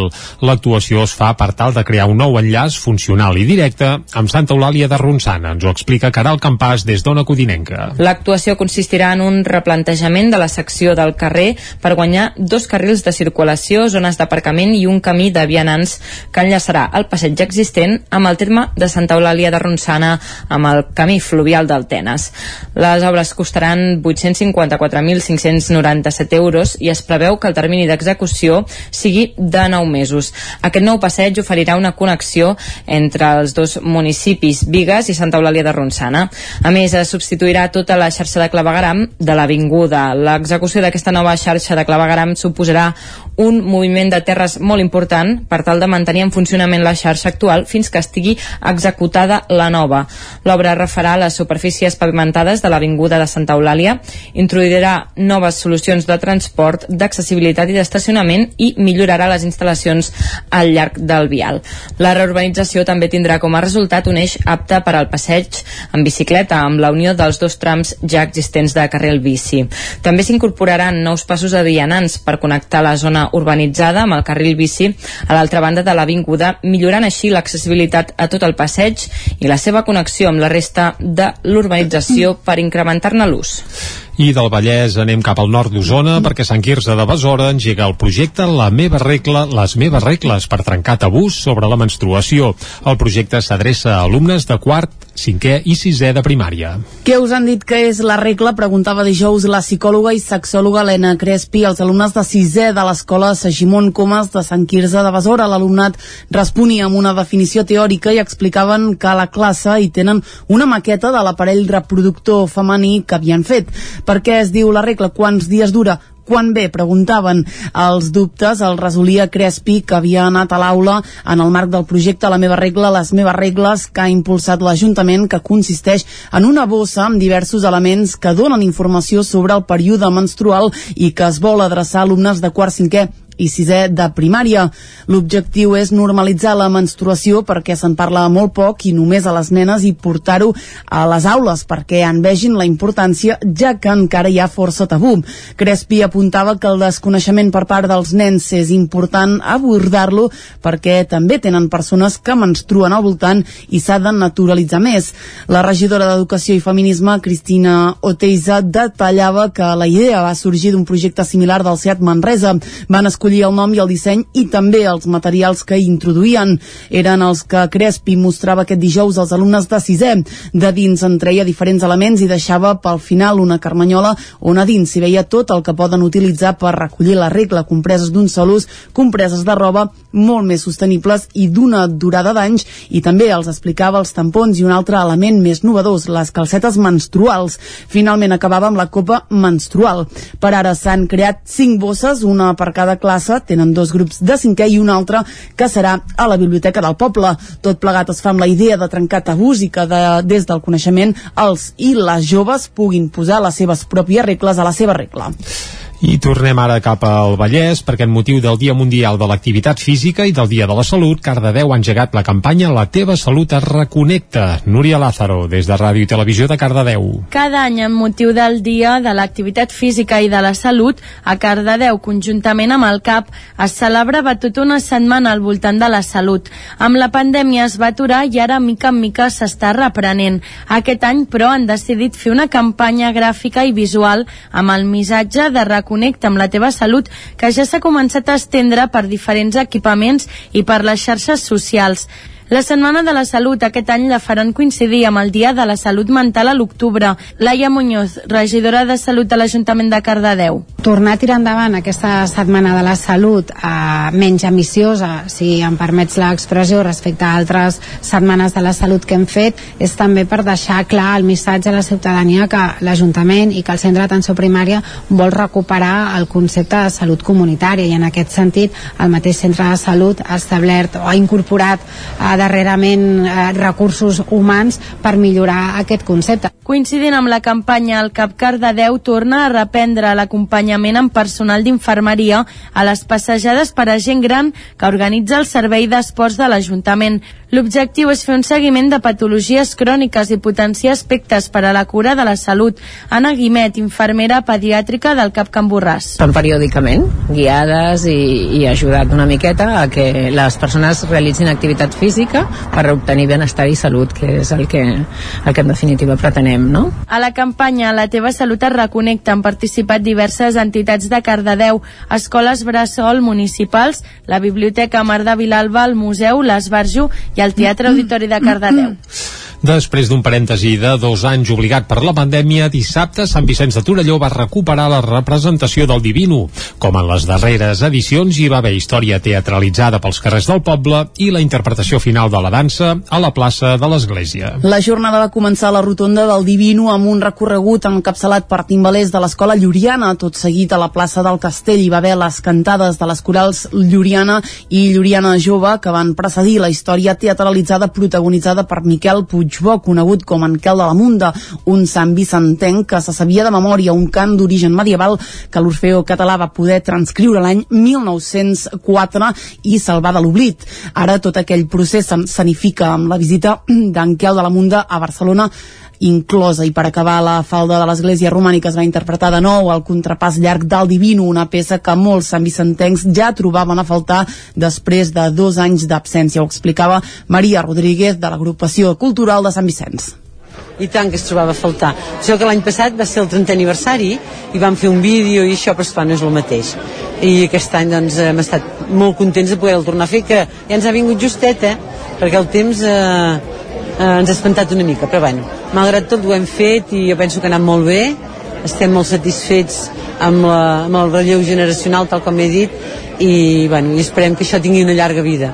El futur del Divino sembla assegurat i és que dels 18 balladors que van fer la dansa, 10 tenien menys de 20 anys. Això és sobretot gràcies a la tasca que s'ha fet des de l'Escola del Poble, on els alumnes de sisè aprenen a ballar el contrapàs llarg. El relleu generacional precisament era una de les grans preocupacions de l'agrupació que organitza la festa Maria Rodríguez perquè nosaltres des de l'agrupació ha estat la preocupació que hem tingut sempre molt gran doncs, de, de que això no tingués relleu perquè si no té relleu eh, eh, llavors la cosa no tira endavant. I en canvi doncs amb paciència i molt d'esforç hem, anat, hem aconseguit doncs, eh, que sí, que, que la gent s'entusiasmi i aquest jovent està molt entusiasmat i està molt content de fer-ho i això és important, això és el més important de tot. La representació del Divino d'enguany es va dedicar a l'activista Àngel Marginedes, que havia estat un dels impulsors de la recreació del Divino l'any 1991 i que va morir a finals de l'any passat premien la fotògrafa Carme Molist per una instantània d'una posta de sol a Manlleu. Molist ha obtingut el segon premi al prestigiós concurs Eurofoto Meteo 2022. La fotògrafa manlleuenca Carme Molist no s'ho podia creure quan la setmana passada li van comunicar que havia obtingut el segon premi del concurs Eurofoto Meteo 2022 que cada dos anys convoca la Societat Europea de Meteorologia juntament amb la Societat Espanyola de Meteorologia. Molist va ser seleccionada al costat de 189 imatges imatges més d'arreu del continent. A la seva foto s'hi veuen uns grans núvols lenticulars tenyits de vermell en una posta de sol a Manlleu amb l'ermita de Lourdes presidint el paisatge. La va captar el 29 de desembre passat a baixa velocitat per obtenir el màxim d'enfocament. A Molist li ha agradat sempre la fotografia però va ser fa 5 anys quan a casa li van regalar la primera reflex que es va prendre seriosament l'afició i eh, va fer els primers cursets. Des d'aleshores s'ha especialitzat en natura i sobretot en el temps. Actualment no hi ha dia que a l'hora de que surt el sol no estigui amb la càmera a punt per captar l'estat del cel. Les seves imatges ja han esdevingut habituals en espais de meteorologia de mitjans nacionals i estatals. Abans d'aquest Premi Europeu ja havia recollit un parell de guardons més d'àmbit estatal, també en el camp de la meteorologia. Moltes, moltes gràcies, Clàudia. Fins aquí el butlletí informatiu que us hem ofert amb les veus d'Isaac Muntades, Núria Lázaro, Caral Campàs i Clàudia Dinarès. Ara és el moment de refrescar la informació meteorològica.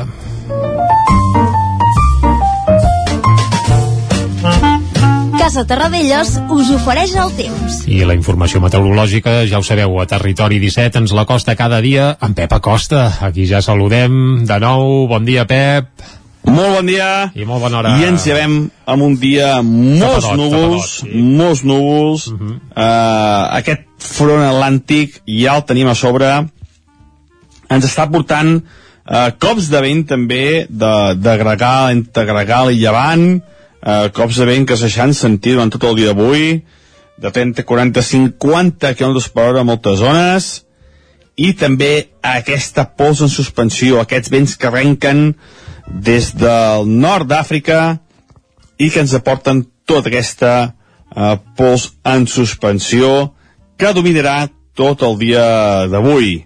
Avui la, les màximes es mouran entre els 14, 15, 16 graus a tot estirar, eh, degut a que hi haurà molts més núvols. I també interessant que hi haurà poc contrast tèrmic entre el dia i la nit. Eh, veníem parlant de que durant tot el mes de març vam tenir molt poc contrast tèrmic entre el dia i la nit.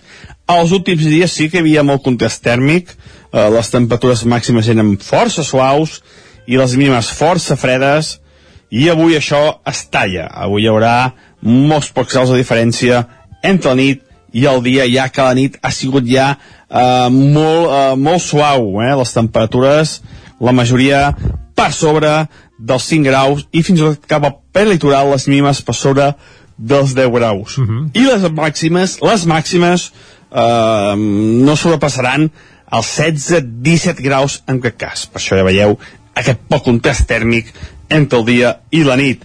A la tarda els núvols encara seran més espessos, no es descarten quatre gotes puntuals a alguna zona, molt poca cosa. Uh, els mapes primer deien que avui seria un dia, avui demà seria un dia amb molta pluja, bueno, bastanta pluja. Però no, eh? Uh, aquests mapes es van descafeinant i al final quedarà molt poca pluja, eh? Molt poca pluja. Uh -huh. uh, avui, sobretot, mm, si és que va caure, seran quatre gotes, la cota de neu molt amunt i a més la pluja serà fang uh, uh, A si és rentar camí de cotxes, caure sí, sí. veurem aqu aquesta pols de suspensió que caurà a la superfície i per tant no serà tot ben enfangat. Però ja dic, eh, si plou seran quatre gotes a tot estirar. Demà sembla que sí, que plourà una mica més i de cara als dies festius els dies més, eh, més festius Setmana Santa el sol serà gran protagonista i les temperatures pujaran amb força. Ja ho anirem matitzant tot els pròxims dies.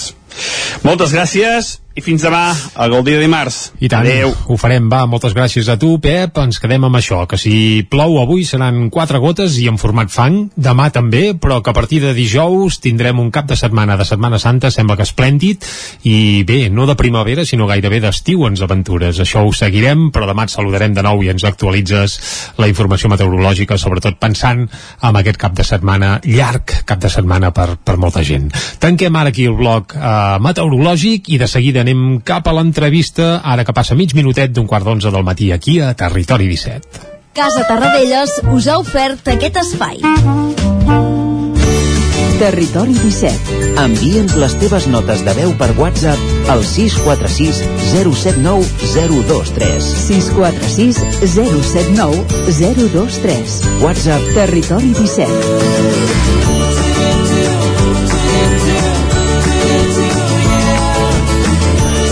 Territori 17. Som a Facebook, Twitter i Instagram amb l'usuari Territori 17.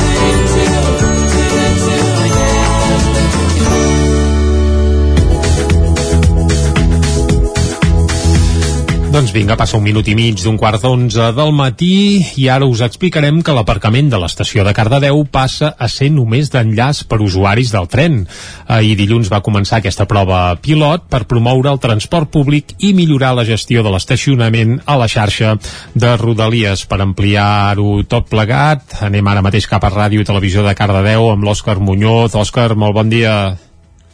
Bon dia, doncs sí, avui parlarem sobre aquest tema de l'estació de Cardedeu amb la Verònica Vidal, la regidora de Mobilitat a l'Ajuntament de Cardedeu. Bon dia, Verònica. Hola, bon dia. Parla'ns una miqueta així, ja anirem com aprofundint més, però parla'ns d'aquesta aquesta prova pilot anomenada Park and Ride que hi haurà a l'estació de Cardedeu a partir d'ahir, dilluns. A veure, això és una prova pilot que està finançada pel Fons Atmosfera de la Generalitat de Catalunya i està feta en col·laboració amb la Generalitat i amb la, amb l'ATM, que és l'Autoritat del Transport Metropolità. Que és, um, la idea és fer uns aparcaments que siguin uh, limitats uh, per fer d'estació d'enllaç entre, entre el vehicle privat i el, i el transport públic i el tren, a través d'una aplicació mòbil, en lloc de fer una, un aparcament tancat amb barreres i, i amb targetes i altres funcionaments, aquest, eh, aquesta prova pilota està en, en base a, un, a una aplicació de mòbil. Llavors, amb aquesta aplicació et registres, et dir el tiquet, doncs ja, ja et vaig explicant. Però això és una mica la introducció. La idea és prioritzar mm, el transport públic i sobretot eh, desincentivar que els cotxes que arribin a l'estació i no trobin lloc, vagin a altres llocs i comencin a buscar llocs per diferents llocs de Cardedeu, el que se'n diu un trànsit d'agitació. Doncs evitar tot aquest trànsit i focalitzar-lo cap a ma- la mateixa estació. Mm -hmm. Parlem de calendari. Fins quan hi serà la prova pilot? I no sé si la voluntat és després, eh, un cop s'hagi passat aquest període, d'instaurar-ho ja eh, per sempre. Quin, quin és el calendari previst? El calendari s'ha anat eh, disposant una mica perquè hi havia algunes coses que estaven en funcionament i la idea és que estiguin funcionant fins a l'octubre. Val? I llavors, a partir d'aquí, bueno, a partir d'aquí no, durant tot aquest temps valorarem doncs, la funcionalitat, valorarem doncs, que l'accessibilitat per tothom, vull dir que hi hagi suficients mm, bueno, validacions i que estigui funcionant correctament i, i llavors decidirem si això es manté o, o, o, o, o s'elimina. Vull dir que hi ha l'opció de que a partir de l'octubre doncs, ho, ho desfem o ho continuem. Hi ha les dues opcions ara mateix. Per això és una prova pilot. Ah, sí, exacte. Aquesta prova pilot que has comentat que era de la Generalitat i la TMB, aquí l'Ajuntament també ha tingut alguna cosa a veure? Veieu que passava alguna cosa amb l'estacionament de amb l'aparcament de l'estació o, veu, o va venir la Generalitat i us va dir va comentar aquesta prova? Sí, bueno, correcte. Hi ha les dues coses, no? O sigui, la, el que és l'aparcament de l'estació De fet, estem parlant només de l'aparcament nord, eh, de la banda que dona a la Sí. part superior, o sigui, directament en- encarada a l'estació. Per la part, la part de sota, que seria l'aparcament sud, aquesta es manté com a aparcament lliure. I el que ens trobàvem és que l'aparcament nord moltes vegades està, està ocupat per, per vehicles que s'hi estan més d'un dia. És a dir, que s'utilitza com un aparcament com que és un aparcament lliure i doncs, doncs bueno, hi ha molta gent que hi té estacionat el vehicle, amb la qual no acabava de funcionar com a, com a estacionament d'enllaç. I llavors, eh, efectivament, doncs, hi va haver aquesta proposta per part de la Generalitat, que vam, tant la- l'Ajuntament de les Franqueses com el de Cardedeu doncs, ens hi vam voler adherir perquè ens va semblar que era interessant de provar-ho i, i a partir d'aquí veure si això podem modificar una miqueta i que, i que l'aparcament d'enllaç sigui l'aparcament nord, que és el que tindria tot el sentit per accedir a l'estació i en tot cas el sud pot quedar com a aparcament lliure. Uh, Verònica, anem a la part pràctica. És a dir, tothom que vulgui aparcar a partir d'ara s'ha de baixar aquesta aplicació, oi? Val, bueno, no ho hem dit, però és només de dilluns a divendres i entre uh -huh. 6 del matí i 8 del vespre. O sigui que a partir de les 8 del vespre continuarà sent aparcament lliure i gratuït i els caps de setmana també. Val? Llavors, tothom qui vulgui aparcar d'entre 6 i 8 del vespre eh, s'ha de baixar aquesta aplicació. Com es pot baixar, com l'ha de buscar, on la trobem, aquesta aplicació? A l'Ajuntament el que ha posat han sigut unes senyals, que les senyals sí que ens va facilitar doncs, la, el fons aquest, però l'hem instal·lat amb la brigada municipal. En aquestes senyals hi ha un codi QR on pots eh, directament doncs, descarregar-te l'aplicació. Mhm. Per iPhone com per Android i per tots els sistemes operatius actualment doncs, es pot descarregar l'aplicació i llavors eh, es registra la persona, es registra el vehicle i, i bueno, quan, quan s'aparca, com que hi ha, hi ha uns localitzadors en, en, instal·lats a diferents punts de l'estació, en el qual ja et localitza on està aproximadament el vehicle, per tant ja sap que estàs a l'aparcament d'estacionament d'enllaç de Cardedeu, i quan et dones d'alta, vull dir, o sigui, quan entres, registres i dius el meu vehicle està aquí, val, doncs et detecta, val? i llavors a continuació tens uns 20 minuts per validar aquest tiquet d'estacionament un cop has entrat a l'estació. És a dir, quan tu ja entres a l'estació del tren, es pot validar. Abans, abans no, perquè no tens els mecanismes per poder-ho fer.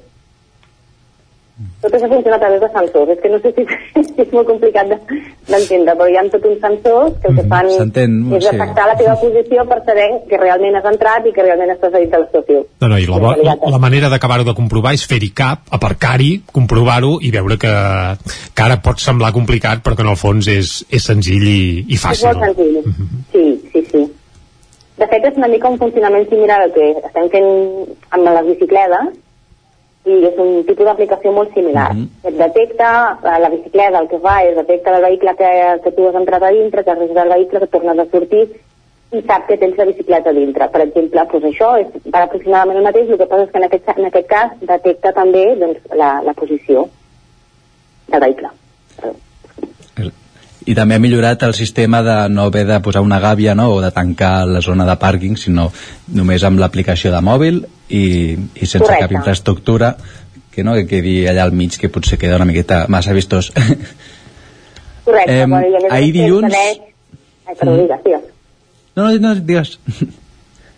Que, que una Aleshores- barrera sempre després pot ser un limitant perquè és un mecanisme que es pot espatllar, que pot quedar tancat, que, de, bueno, que té doncs, tota una sèrie d'implicacions. No? D'aquesta manera doncs, queda tot obert, però tens una limitació.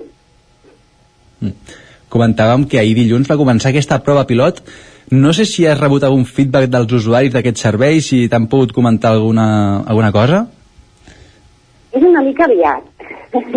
Sí. perquè, ja, com tu dius, va començar ahir tot just, doncs, bueno, ja han, han començat a haver-hi ja registres, hi ha gent que ja l'ha començat a fer funcionar, de fet ja tenim avui 12, almenys 12 vehicles que ja estan donats d'alta i que estan, o sigui, que estan donats d'alta, no, que ja tenen el tiquet validat per avui, uh, per tant, doncs, veiem que ja ha començat doncs, a funcionar, però és una mica aviat, vull dir que això... Va, no, ho deia perquè al passar per allà he vist molts cotxes aparcats i he dit, ostres, això ja està funcionant o...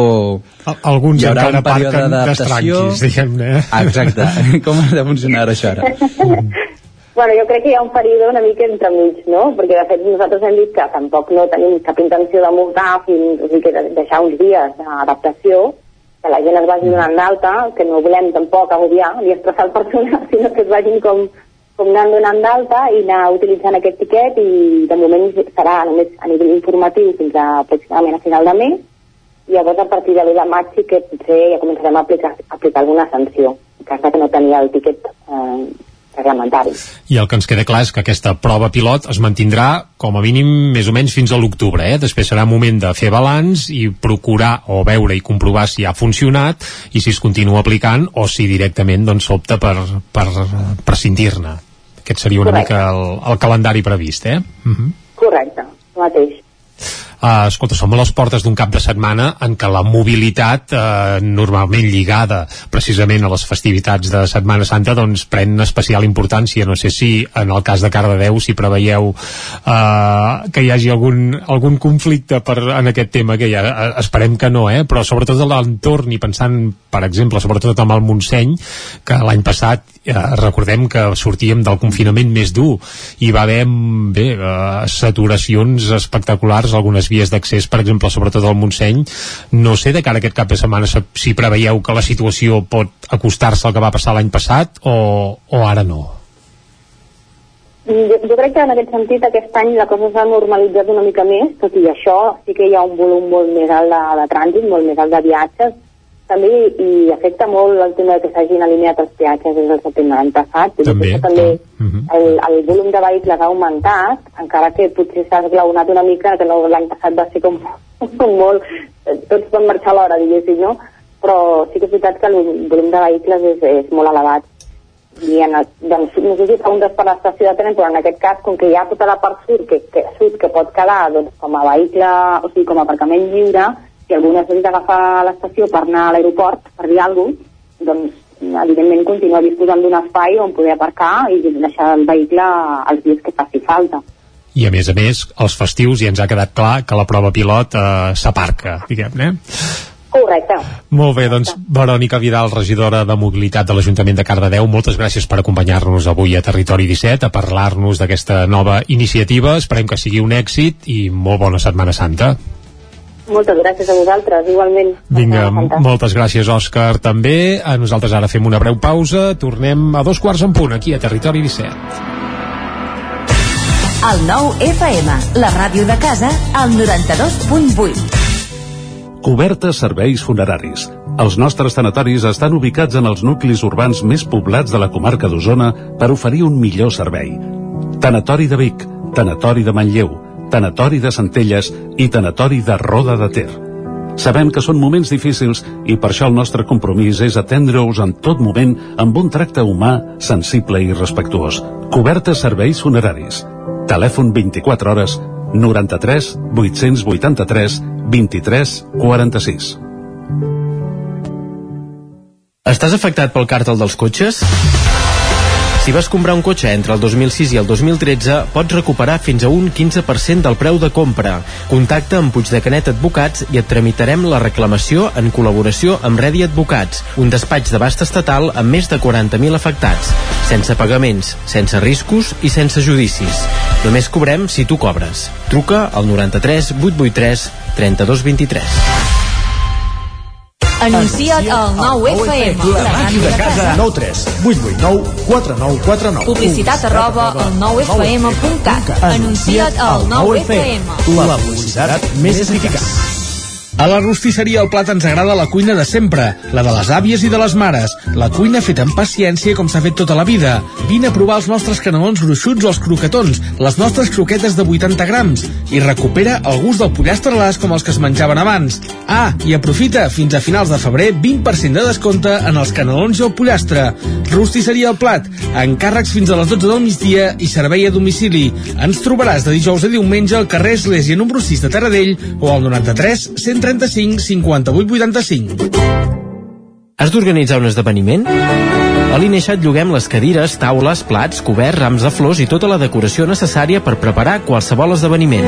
Vine a buscar material per a festes, casaments, celebracions culturals, espectacles, concerts o reunions d'empresa i de família. Ens pots venir a veure al passeig de la Generalitat número 52 Baixos de Vic, buscar-nos a les xarxes o trucar-nos al telèfon 670 38 96 25. Ah, i també ens trobaràs a Girona. A l'Ineixa tenim tot el que pots necessitar per fer-te la vida més fàcil. Això és el que s'escolta al voltant d'una caldera saunia d'Oval. Tranquilitat i benestar, perquè gaudeix del millor manteniment del servei tècnic oficial per estar despreocupat. O el que vulgui. Informis a Oficiat Nord trucant al 938860040. Saunia d'Oval, sempre al seu costat. El 9 FM. La ràdio de casa al 92.8.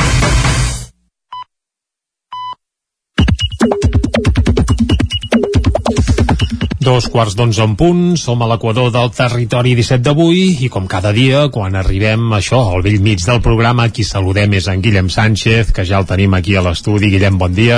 Bon dia, Jordi. Que estàs esmolant les eines ja de cara, de cara a aquest llarg cap de setmana. Abans d'entrar a piulades, va, et podem preguntar, aniràs a Cardedeu, per exemple, al Montseny, a tastar aquest nou aparcament No, Park and Ride? mira, tenia previst anar a Calafell A Calafell, i no? a l'Ametlla del Vallès, em sembla. Ah, Bé, uh, ja ho saps, l'autopista ara és gratuïta, per tant, escolta, Aprofitarem, aprofitarem. aprofitar, aprofitar, perquè el preu que està la gasolina, Sí. mira, el que estalvies amb, això, amb peatges, és el cas de, de fer servir per omplir el dipòsit, ja gairebé va una mica així. I tant. Bé, doncs, aviam, no sé si ens parlaràs de sortides de Setmana Santa o per on van avui les piulades. Avui començarem pel tema gastronòmic de la Setmana Santa, perquè hi ha productes eh, vinculats directament a aquesta Home, festivitat. home eh, me'n venen al cap moltíssims els bunyols de Quaresma són espectaculars Correcte, i correcte. sobretot aquells bunyols de vent que n'hi diuen a l'Empordà allò és mel, eh? Uh, ara clar, per acabar la Setmana Santa hi ha les mítiques mones que Doncs també... mira, encertadíssim, encertadíssim, Jordi. Ara, pla, bé, hi ha més coses encara, eh? uh, però són els dos trets principals, a mi sempre em ve al cap això, i el bacallà de Quaresma, però clar, ja pràcticament la Quaresma la tenim aparcada, ara ja estem més en temps de Pasqua, però vaja, això va, Guillem, parlem de gastronomia, doncs vinga. Doncs va, començarem per aquí. El primer tuit és el d'en Gerard que ens diu jo vaig anar a una escola religiosa i al final l'únic que sé de la Setmana Santa és que hi ha bunyols. Doncs mira, és un bon aprenentatge el que va fer en, en Gerard a... Val més això que res, tot i que avui hem encetat precisament el programa criticant, entre cometes, eh, bé, que la gent ja no sap ni què celebrem per Setmana Santa, estaria bé una mica de pedagogia, no dic de- d'haver d'anar a missa cada dia ni a seguir la vetlla pasqual del dissabte a la nit, eh? però almenys saber què s'hi cou estaria, estaria bé, sí, sí. Va, Nil, en aquest sentit eh, tenia un desig i esperem que l'hagi pogut complir. Ens escrivia, vaig a comprar-me una tona mètrica de bunyols i cap de vosaltres ho podrà impedir. Doncs si els ha comprat, que ens, que ens avisi. Si n'hi sobren, escolta, aquí aixequem el dit i que ens emporti, eh? Nosaltres no tenim cap mania a l'hora de devorar bunyols, sobretot. I la Marta ens aprofitava també per dir, celebrant que he baixat considerable, considerablement els nivells de colesterol de l'única manera que es poden celebrar aquestes coses. Diu, menjant bunyols fins a rebentar. Visca. Visca. Visca. I continuant amb l'apartat gastronòmic de la secció, doncs ja s'aprova també el temps de les mones, com comentava Jordi. Esperem que vosaltres, però, no us passi el que li ha passat a en Jaume. Què li ha passat a en Jaume, aviam? Diu, ara que ve l'època, vosaltres teniu padrí o padrina? Pregunta. Diu, jo sí, el meu germà i em deu la friolera de 27 mones de Pasqua. El dia que me les pagui totes serà un festival. Carai, és a dir, no, no li ha regalat mai la mona al seu Això padrí? sembla, Ostres, això sembla. Uh, cal dir que no cal ser creient per tenir padrins, eh? es pot fer així un, de manera oficiosa i, es ni que sigui per portar la mona un cop a l'any si val. I es poden menjar mones sense també creure en res ni, Ah, no, ni, no, ni a ningú. eh? evidentment, però mira, uh, poso un exemple, eh, els meus fills ni batejats ni d'allò, però tenen padrí i només perquè els hi porti la mona per, per dilluns de Pasqua, eh? per tant, Doncs s'hi val tot, eh? i les tradicions s'han de procurar mantenir, i més si són les I de les d'omplir la panxa, perquè ens hem d'enganyar, va. Seguim, Va, i vinga. parlant de mones, en Joan Carles ens fa notar un fet destacat, ens diu, no som conscients del canvi mental i social que s'està provocant. Diu, Ara, fa, pla. fa quatre dies ningú s'hagués pogut imaginar que les mones de referència d'aquesta Setmana Santa estarien dedicades a l'Alexia Putelles, igual que abans ho estaven a Leo Messi. Diu, sensacional. Doncs vinga, Doncs visca, vinga. visca l'Alexia. I d'aquí un consell de la mà d'en Marcel. Diu, si estudies molt, tindràs una bona feina i podràs rebentar-te els estalvis en mones de Pasqua. Doncs mira, Bé, a i treballar. A amb bones per- de Pasqua i amb gasolina, ja ho hem dit abans, que és el que, el que pica més últimament, sí, sí. Va, i canviem completament de registre. Us ha passat mai això que ens relata la Marta? Ens diu, val, em sento curta. No sé treure el per defecte en pausa d'una impressora de les 1.000 que tinc configurades a l'ordinador i no puc imprimir. Amb la paciència que tinc en unes coses i amb la informàtica fotria el portàtil al mar o al foc. No ho sé. A vegades la informàtica també s'ha perdre, s'ha perdre Sí, el però cap i... al mar millor que no li No. no. fiqui, que ja hi ha prou porqueria, i el foc, home, tampoc seria el més aconsellable, que el porti a la deixalleria, si no sap què fer-ne, va. Va, i a veure com, com em completaries aquesta, aquesta notícia, Jordi, aquest titular. Ara, clar, ja. Diu, notícia d'allò més surrealista. Es presenta en un control de Mossos per recollir a un amic que havia donat positiu per alcoholèmia i... Com, com creus que acaba la història? Ai, no sé, ara veig en Jordi Vilarrodà també aquí a l'estudi que poder ens hi podria auxiliar eh, i li ve alguna cosa al cap jo crec home l'amic recull l'amic etc etc però clar, si la història ha de tenir suc potser Sí. l'amic també el fan bufar Sí. i també hi ha alguna sorpresa Doncs mira, es veu que acaba acaba denunciat per conduir drogat amb un cotxe donat de baixa sense assegurança i amb el permís de conduir suspès. carai Ostres, es pot, s'hi pot sumar algun altre fet de, de, del delictiu aquí o què? I el- els comentaris, els comentaris doncs, d'aquesta notícia no s'han fet esperar com el de l'Àlvaro que ens diu entenc que només tenia aquest amic o almenys aquest era l'amic menys perjudicat de, de tots, això és la Ufa. primera reflexió. En Salva i afegeix li ha faltat arribar amb el mòbil parlant i sense el cinturó posat. I la millor pregunta és la que es fa en Marc. Que jo és el que també em vaig fer quan vaig llegir la notícia. Diu amb ganes de saber què li va passar a l'amic que els ha vingut a recollir a tots dos. Eh, Vés a saber. Vés a saber. Vés a saber. Ostres, ostres, no ets pas tu, eh? Aquest amic, No. no, aquest tercer amic, no, no els coneixies, eh? Els No els conec de protagonistes de, la iniciativa. Està bé, està bé. En Jordi Vilarrodà veig que tampoc, eh, Jordi? No, no, no. no. val. Eh, però sí, seria una bona pregunta, eh? A veure, de, després, a veure, qui els va anar a recollir a, a aquests dos personatges? Ai. Doncs va, Ho fins deixem demà, aquí? Jordi, fins demà, i Va, si algú té novetats, ens es fa escoltant I i, sap qui els va recollir, que ens ho faci saber, eh? 9 3 8 8 9 4 9 4 9 ens truca, ens ho explica i, ho- i això, i ho llancem aquí en directe, va. I abans d'anar cap a la taula de redacció, on ja hi sentíem en Jordi Vilarrodà, ràpidament fem un cop d'ull a les portades del 99.cat. Ara mateix el Vallès Oriental, el 99.cat de color verd, obre explicant que el Vallès Oriental és la segona comarca catalana en potència instal·lada de producció d'electricitat amb el sol. I també s'hi explica que el rector de la Torreta publica un llibre sobre l'Evangeli segons Sant Marc, un llibre que segurament és molt adient per llegir doncs, aquests dies de Setmana Santa, per exemple. I anem ara cap al 99.cat del Osona i el Ripollès, que ara mateix obre explicant que el Camp Gran és el rei de les frisones. El Camp Gran és una explotació de Sant Martí Sescors que es dediquen, evidentment, a la producció de llet i van guanyar eh, uns quants guardons, van col·leccionar guardons en el concurs de frisones que es va fer en el marc del Mercat del Ram i també hi apareix que torna el Divino, aquesta mítica celebració a Sant Vicenç de Torelló i també retrobament i reivindicació al Mercat del Ram. Tanquem aquí el tema piulades, estem al 99.cat i anem cap a la taula de redacció. Territori 17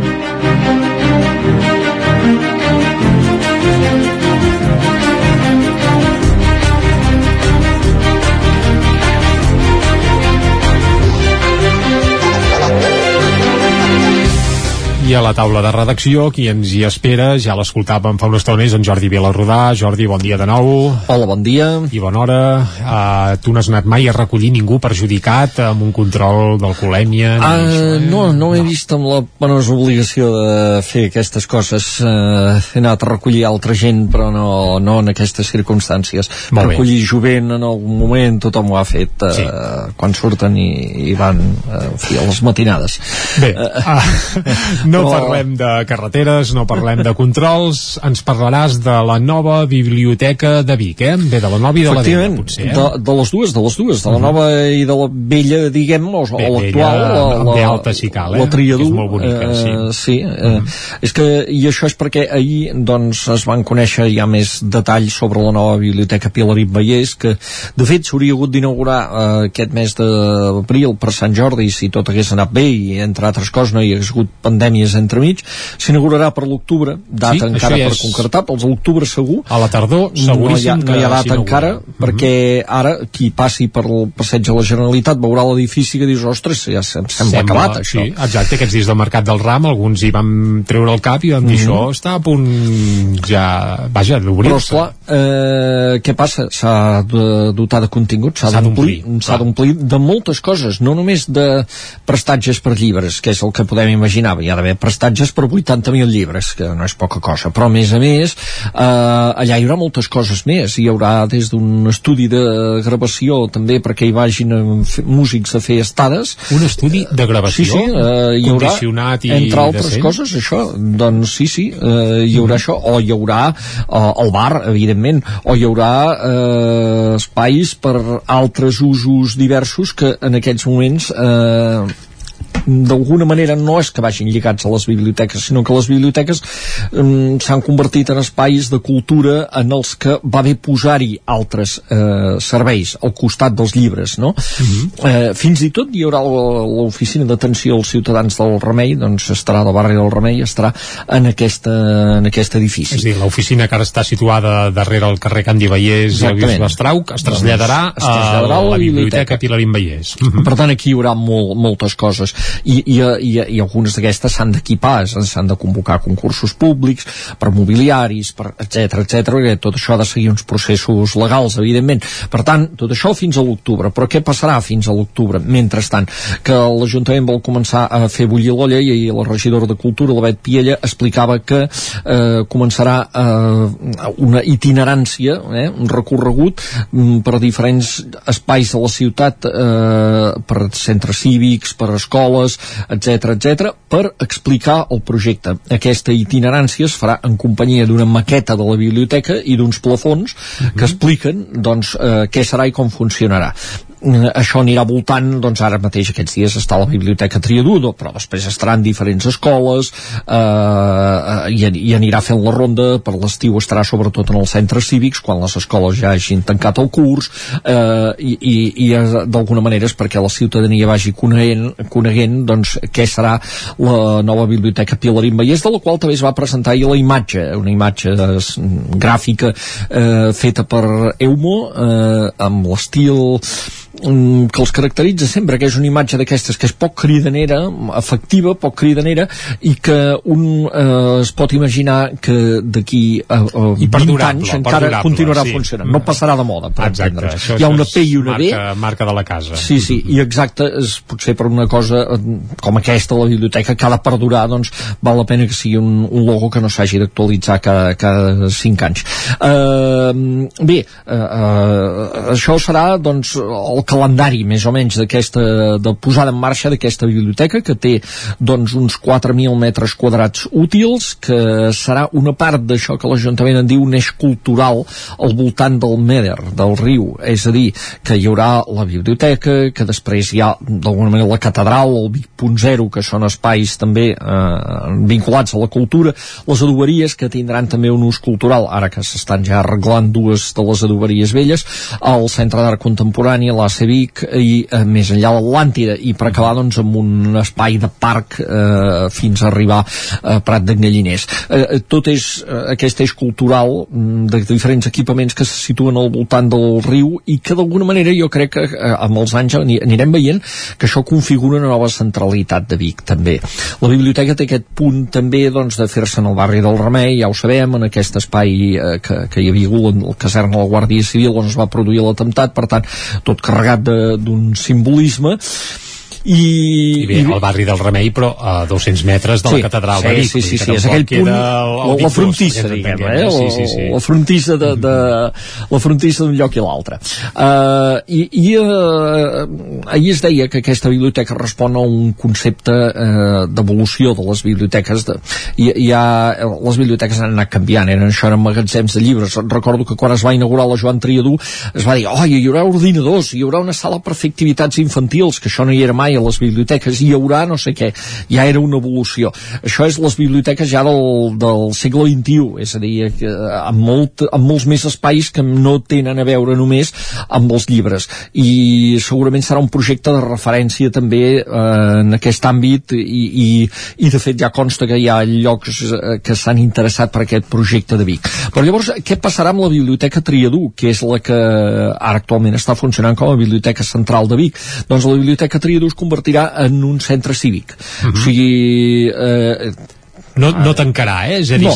reconvertirà, diguem-ne. Exacte. Eh, al principi hi haurà també un servei de préstec de llibres, hi haurà maroteca, hi haurà algunes d'aquestes funcions, el, el préstec de llibres vinculat a la, a la biblioteca nova. És a dir, podràs anar a demanar llibres Podràs anar a demanar llibres, te'ls portaran la majoria de la biblioteca nova, mm. perquè seran allà, però eh, d'alguna manera el que es vol és que la gent vagi anant a la biblioteca nova, eh? però eh, hi ha d'haver un temps, s'entén també un temps de transició, hi ha d'haver un temps que mm, serà de, de, de que la gent s'hi vagi acostumant i no es, vol, no es vol perdre els usuaris que en aquests moments té eh, la biblioteca I com Triador. bé deies, a Maroteca, molta gent, sobretot gent gran, potser hi acudeix a, a, a, llegir el diari, per exemple. Ah, exactament. Aquest hàbit el podrà mantenir i això es podrà fer igualment. Sí, això es podrà fer igualment eh, i a la vegada doncs, hi haurà les activitats pròpies d'un centre cívic. Aquí, cada un dels centres cívics de Vic s'ha anat especialitzant una mica en algun àmbit o altre. Aquest ho serà més en, en ensenyaments relacionats amb les humanitats. De fet, l'indiran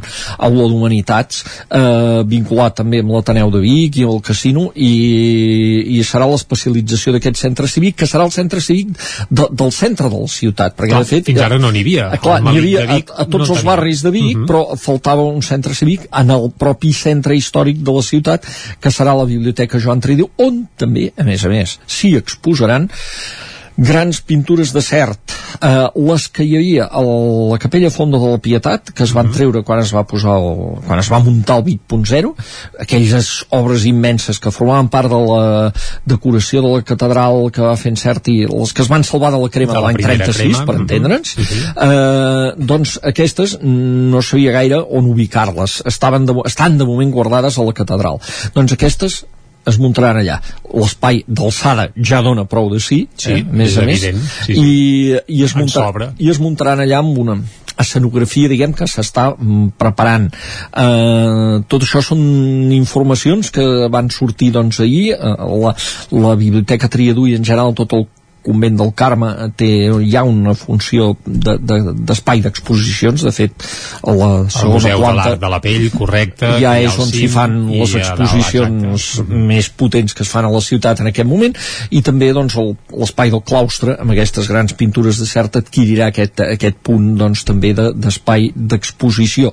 En fi, mm, tot això és el que passarà amb la vella, el que passarà amb la nova i també mm, es va dir doncs que l'acte d'inauguració de la nova, que encara no té data, sí que té responsable i eh, hi ha una persona que ho està preparant i ho està concebent des d'un punt de vista escènic Per tant, que serà és una cosa bèstia. una cosa Bàsic. potent Sí, sí. se n'encarrega la directora teatral Montse Rodríguez eh, que, que ha triomfat doncs, amb Vaca, aquesta obra que es Mhm. havia estrenat aquí a Vic i ha fet gira per tot arreu i ella és la responsable de preparar aquest esdeveniment que tindrà lloc el mes d'octubre en la data que, que, que ja es concretarà doncs, de, de... això sí, eh, una cosa que hem de remarcar és que fins que arribi aquest moment hi haurà un parell de mesos que per raons del propi trasllat eh, no hi haurà biblioteca, o sigui la triadú estarà tancada i l'altra encara no estarà oberta perquè els 80.000 volums aniran viatjant d'un lloc a l'altre. I per tant hi haurà un parell de mesos segons va dir la regidora Bet Piella en què eh, el servei quedarà suspès que es procurarà que coincideixi amb l'estiu que és quan hi ha menys demanda Doncs Jordi, moltes gràcies per acostar-nos l'actualitat a l'última hora de la Biblioteca Pilarín Vallès i també de la Joan Triadú. Moltes gràcies. Molt bé. Tanquem aquí la taula de redacció i anem de seguida a parlar de medi ambient. Territori 17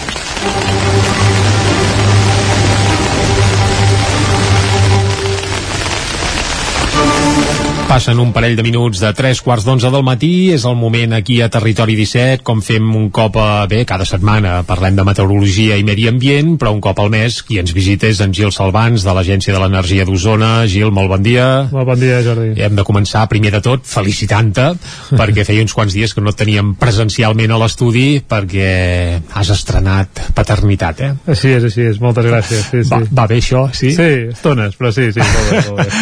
Dormint bé a casa casa. A ratos, a ratos, però bueno, com podem, ho portem com podem. Vull dir. Va, uh, Mangil, per això no parlarem de noves paternitats ni de ni d'infants, sinó que parlarem, com fem sempre, de medi ambient, d'energia, i avui ens volem posar una mica al dia amb les comunitats energètiques que proliferen, uh, bé, no només a Osona, sinó arreu del territori, eh, però ens volem centrar en el cas usonenc perquè és que, Gil, en els darrers mesos això s'ha escampat eh, que n'apareixen a tot arreu. Eh, cada setmana gairebé coneixem naixements de noves, eh, bé, a municipis nous on grups directament de, de, de persones civils, sovint a més a més amb la companyia i la complicitat dels ajuntaments respectius, però que es van com, això creant comunitats energètiques noves.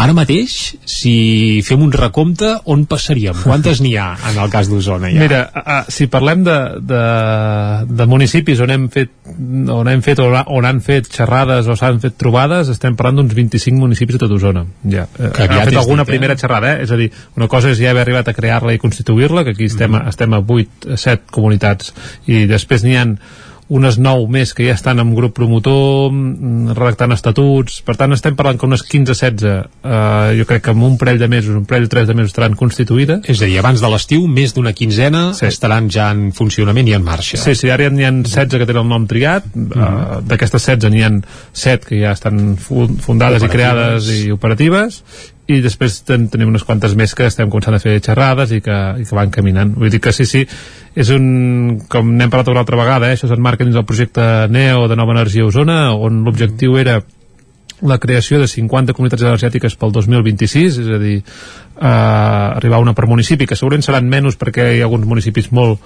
Bé, molt petits, molt, molt petits molt amb unes pròxims característiques també que fan complicat Que- que, establir una iniciativa d'aquest tipus, però bé, també se'n podrien fer més d'una amb un municipi més gran, per exemple. Sí, sí, eh? també podria ser aquest el tema, o, o fins i tot dos municipis que en facin una. Uh, però bueno, l'objectiu era començar amb unes 3 l'any passat i aquest any acostar-nos a les 10, 11 comunitats i la veritat és que uh, molts factors, jo crec que el preu de l'energia un dels principals, però també la gent té ganes de canvi, la gent veu que el tema d'energies renovables és, és el futur i si no ho fem ens ho faran. Uh, i per tant eh, amb molt d'èxit estem bueno, jo crec que tots una mica eh, superats per la situació i hem d'anar-ho treballant perquè al final han crescut moltes comunitats i ara el que hem de fer és aquestes que han anat apareixent consolidar-les, eh, augmentar el nombre de socis i sobretot començar a tenir projectes actius perquè al final Clar, aquest és l'altre tema. és l'altre tema i aquest és important eh? Vull dir... sí, però si encara no, no estem fent energia, malament rai, eh? Així és, eh? Vull dir que jo espero també que abans de l'estiu comencem a tenir les primeres plaques col·locades a Sant Pere Torelló,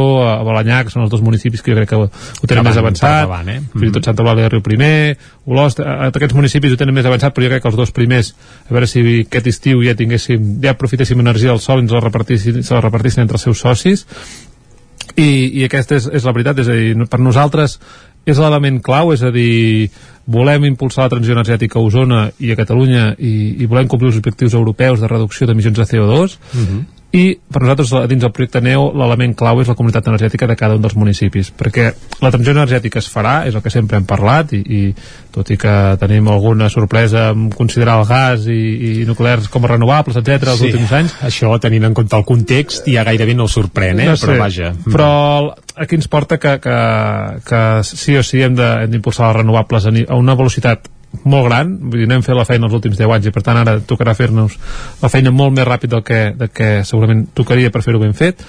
Uh, i per nosaltres si ho volem fer des del territori, si ho volem fer des de, des de la gent i no volem continuar amb un model on el sector energètic o sobretot el sector elèctric està en mans de quatre uh, la comunitat energètica és la figura clau eh, per apoderar la ciutadania, per tenir eh, instal·lacions compartides i perquè la gent pugui formar part d'aquest pastís tan gran que és el sector energètic que tants diners, tants diners mou eh, en el nostre país. Per tant, ja ho diu la dita popular, eh? Si vols anar ben servit, fes-te tu mateix al llit i en aquest cas seria una mica aplicar això. És així, suposo, eh? és així. Eh? L'altre dia veia un tuit d'un company, que em sembla que estava a Energia, que deia qui té una taulada té un tresor i pensava la seva factura on aquest mes només havia pagat el terme de, de potència. Mm, jo, per, per cas, meus pares que tenen autoconsum, els he calculat i aquests mesos, bueno, aquest mes de març s'ha de dir que ha sigut el mes Sí, amb menys... eh, exacte, menys precisament en parlàvem la setmana passada fent balanç del mes que deixàvem enrere i dels mesos amb menys insolació Dels no, no de, de la història. Sí, és sí, que va sí, ser sí. pràcticament bé, avui també tenim un dia tapadot però no Però és habitual no és que l'hivern eh, això, eh, pràcticament no veiem el sol durant un mes sencer com va passant aquest mes de març sí. T'has de dir que igualment, és a dir, sí que el mes de febrer l'estalvi en- va ser entorn dels 90 euros de, de la factura de llum de, de casa dels meus pares, aquest mes ha sigut dels 60, vull dir que tot i fer aquest mes eh, eh, l'estalvi ha sigut important i per tant, tothom ha d'apostar per les energies renovables però també haurem de fer de forma comunitària, és a dir, hi ha taulades grans que les haurem de compartir, també les comunitats energètiques no s'aturaran només en l'autoconsum compartit, de fet a, Balanyà i fins i tot Sant Pere estan començant a treballar temes de mobilitat sostenible, mobilitat elèctrica i sobretot vehicle compartit. Si volem fer la transició energètica no podem tenir tants vehicles a la carretera, això està claríssim. És dir, no només estem parlant de taulades i de plaques solars, sinó que tot plegat va més enllà. Eh? Va més enllà, sí, sí. Adquirir un vehicle elèctric per part d'aquestes comunitats que sigui compartit pels veïns, veïns, veïnes, socis, sòcies de la cooperativa, també eh, gestionar punts de recàrrega eh, comunitaris, eh, i també hi ha un gran tema que és el tema dels parcs solars eh? a la comarca hem tingut moguda de parcs solars torna a haver-hi diferent activitat en parcs solars eh, al territori, ja no tan grans ja els projectes són molt més petits i molt més adaptats perquè jo crec que, que aquí sí que s'ha fet un treball conjunt Bé, entre... de parcs en veurem. En veurem. Allò de veure un camp ple de plaques, això no serà, vaja, una, una cosa que sorprengui, sinó que No. a 3 o 4 anys vista ho hem de començar a veure. Sí, això, eh? jo crec que fins i tot abans i clar, el fet de tenir una comunitat energètica i tenir la societat organitzada jo crec que pot afavorir que aquesta gent pugui participar en aquests parcs solars. És a dir, una cosa és que t'apareixi un parc solar que ens hauran d'aparèixer, com, com comentes, eh, en veurem, que ens els vinguin a fer de fora i que, per tant, a part de els petits eh, impostos que puguis tenir per la construcció del parc, tot el benefici d'aquell parc sigui mm, de l'empresa que ho ha vingut a fer i aquesta pugui ser d'on sigui, si aquest parc és participat per la gent del territori, mm, parcialment la comunitat energètica en té una petita part, per tant, part dels beneficis econòmics té beneficis ambientals i, i, i però també en té d'econòmics perquè té un rendiment econòmic. Si aquest es queda al propi municipi jo crec que la visió eh, del parc solar serà una altra. I per tant també la comunitat energètica estem treballant perquè tingui un paper important en aquest sentit. Uh -huh. i jo crec que és una de les figures que, que també haurem de- de- d'enfocar i fins i tot la pròpia comunitat ja no que te'l portin de fora del parc sinó impulsar-ne algun. És a dir, la idea és o el compromís a Osona del Consell d'Alcaldes i del ple del Consell Comarcal és impulsar 50 parcs de 5 megas, és a dir 50, 50 ja t'has dit, eh? són molts parcs, són, són, són unes 250 hectàrees repartides per tota la comarca, és a dir, no és, no és una... És a dir, quan ho veus repartit és un percentatge inferior Clar, al no, no estem parlant de fer uh, un gran macroprojecte com havia, bé, s'havia posat sobre la taula un macroprojecte que agrupava municipis de Manlleu, l'Esquirol, a tota una zona, el Malic de la Plana pràcticament, que allò evidentment hagués tingut un impacte uh, importantíssim. Allò era agrupar un sol projecte tot el que volem fer en 5 anys a, a Osona. I jo crec que si ho podem repartir al territori hi ha capacitat per fer-ho. Eh, s'ha de treballar bé, s'ha de, de protegir les zones d'alt valor agrí- agrícola, està clar. És a dir, hem, hem de potenciar aquelles zones on ja estan una mica antropotitza, eh, antropo- antropotitzades. És a dir, eh, proximitat de polígons industrials, abocadors, eh, zones àrides, etc. Tot això ha de ser el, el primer, però igualment veurem parcs solars eh, per tots els municipis de la comarca i per tant les comunitats energètiques han de servir per impulsar-los però també per trobar-ne una ubicació més idònia en cada un dels municipis. Mm -hmm. per, per... Sí, anava a dir, et, et trepitjo, eh, Gil, perquè eh, precisament el mes de febrer hi va haver una trobada de comunitats energètiques en el marc d'una fira de l'energia que es va fer a Vic i un dels aspectes que també es va posar sobre la taula era muntar una espècie de- d'estructura que agrupés totes aquestes comunitats per tal d'agilitzar i també oferir serveis a cadascuna d'elles. Clar, és molt difícil que cada municipi, sobretot els més petits, hi hagi una estructura eh, amb cara i ulls per cada comunitat energètica, no? Com tenim aquesta Aqu- iniciativa? Aquesta és la figura clau, eh? jo penso, del projecte. Si, si volem tenir èxit, ara que comencem a arrencar i que algunes comencen a treballar, està clar, com dius, les comunitats energètiques que eh, les estem creant en forma de cooperativa de consum a cada un dels municipis,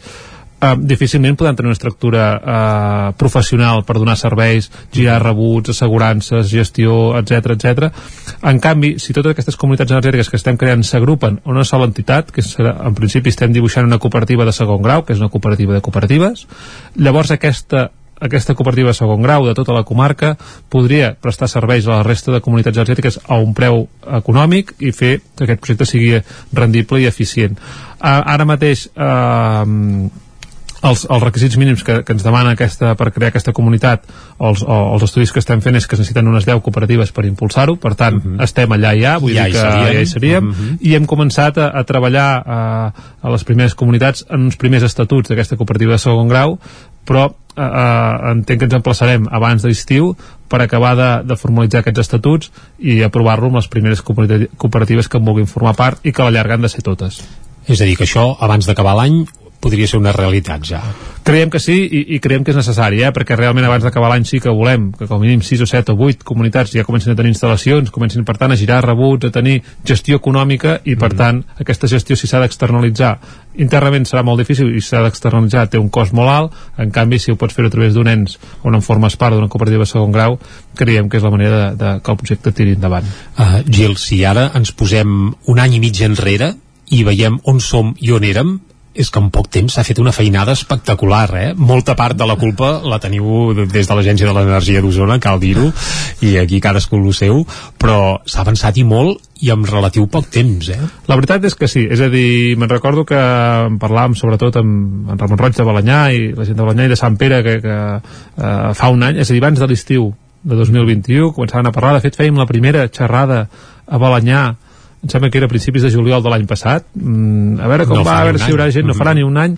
Aquell hi van aparèixer 60 persones allà. A partir d'allà jo crec que hi va haver-hi un punt un punt d'inflexió i vam dir, bueno, doncs va, som-hi que sí que hi ha, perquè ja prèviament, eh, vam començar la primavera de l'any passat i vam treballar documents administratius, tenim uns plecs de sessió de taulades, tenim uns estatuts bàsics, tenim un estudi de, de, de viabilitat econòmica, perquè vam fer una reunió a moltes bandes, amb gent del, del sector cooperatiu, amb gent de, de, de dret administratiu, per veure tot, el, explicar una mica el nostre projecte i ens van dir, és molt fàcil preparar aquests documents. Lo difícil serà tirar-ho endavant. que animeu a la gent i que apareixin 70 persones a Balanyà per crear-ho.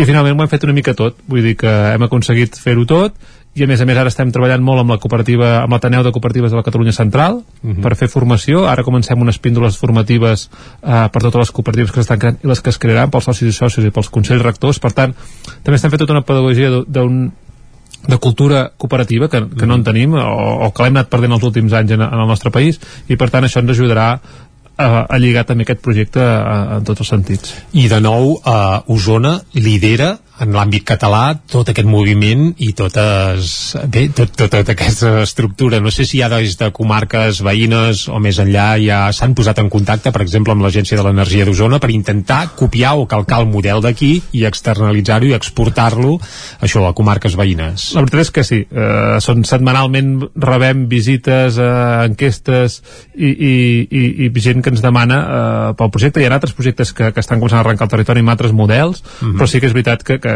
que cada setmana, eh, o quasi cada setmana tenim alguna visita o, o, o contactes d'altres eh, consells comarcals, ajuntaments, etc que volen veure el nostre model per anar la comunitat energètica s'hi apareixent a tot arreu i falta encara de trobar el model concret, nosaltres hem apostat per aquest model de comunitats, de cooperatives de consum.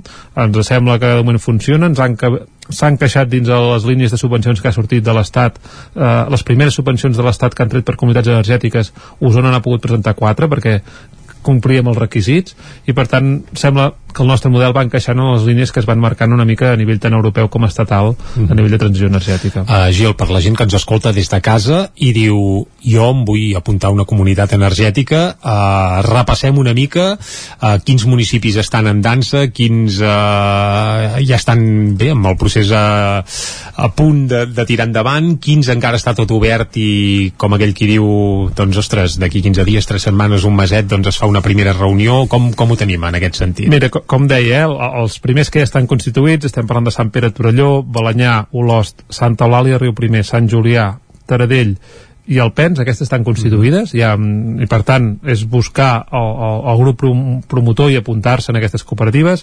I després estem treballant i que ja ho tenen molt avançat a Gurb, Folgueroles, Sant Vicenç de Torelló, Tona, Malla, eh, Tavernoles, Sant Hipòlit de Voltregà i Masies de Voltregà que estan treballant una, una, una comunitat energètica Conjunta. conjunta. I també ja la setmana passada va arrencar la de Prats de Lluçanès i de la Torelló. Aquestes són les que estan més arrencades. També s'han fet unes xerrades ja a Vilanova de Sau, a Call d'Atenes, Sant Bartomeu del Grau i a Sant Miquel de Balanyà uh, i a nivell, per tant, tots aquests municipis, si parlen amb l'Ajuntament o contacten amb nosaltres a l'Agència d'Energia, els podem facilitar els contactes de la comunitat per sumar-s'hi i sí que t'haig de dir que la setmana que ve, el dimecres que ve es fa una xerrada a Call d'Atenes, el dimecres al vespre, mm -hmm. per tant, animar tothom. També és veritat, m'he descuidat Lluçà, que també és un municipi que ja vam fer una xerrada, i es fa una següent xerrada ja per creació de la comunitat el pròxim diumenge 24 d'abril. Això és demà uh, passat, com això és demà passat, sí. Mm -hmm i eh, s'està començant a treballar a Manlleu tot aquest tema, Vic també se'n comença a parlar per tant, Perafita eh, també comença a haver-hi moviment per tant tots aquests municipis ja ens anem, anem començant a treballar per tant totes aquelles persones que estiguin interessades o que parlin amb l'Ajuntament o si volen directament amb l'Agència de l'Energia mm -hmm. trobaríem, trobaríem ambient perdona, i a l'Esquirol i que Antoni Gros també es van fer unes xerrades i properament es farà una primera reunió per a la creació de la comunitat. Per tant, tot el territori uh -huh. eh, animar a, a la gent i si no he dit el municipi on formen part, doncs que ens contactin, mirem, tots els ajuntaments volen fer-ho, que passa uh -huh. que cada ajuntament té el seu ritme i l'idea és crear-ne a tot el territori. Doncs Gil Salvans de l'Agència de l'Energia d'Osona, que sigui un excitàs aquesta constitució de comunitats d'energia local arreu de, de la comarca. Moltes gràcies per ser avui a Territori 17, esperem d'aquí un meset. Perfecte, gràcies Jordi. Doncs doncs que vagi molt bé i nosaltres, quan passen 4 minuts de les 11 del matí, tanquem la secció de Meteorologia i Medi Ambient i ens capbussem i actualitzem de nou el butlletí informatiu. Territori 17, amb Isaac Moreno i Jordi Sunyer.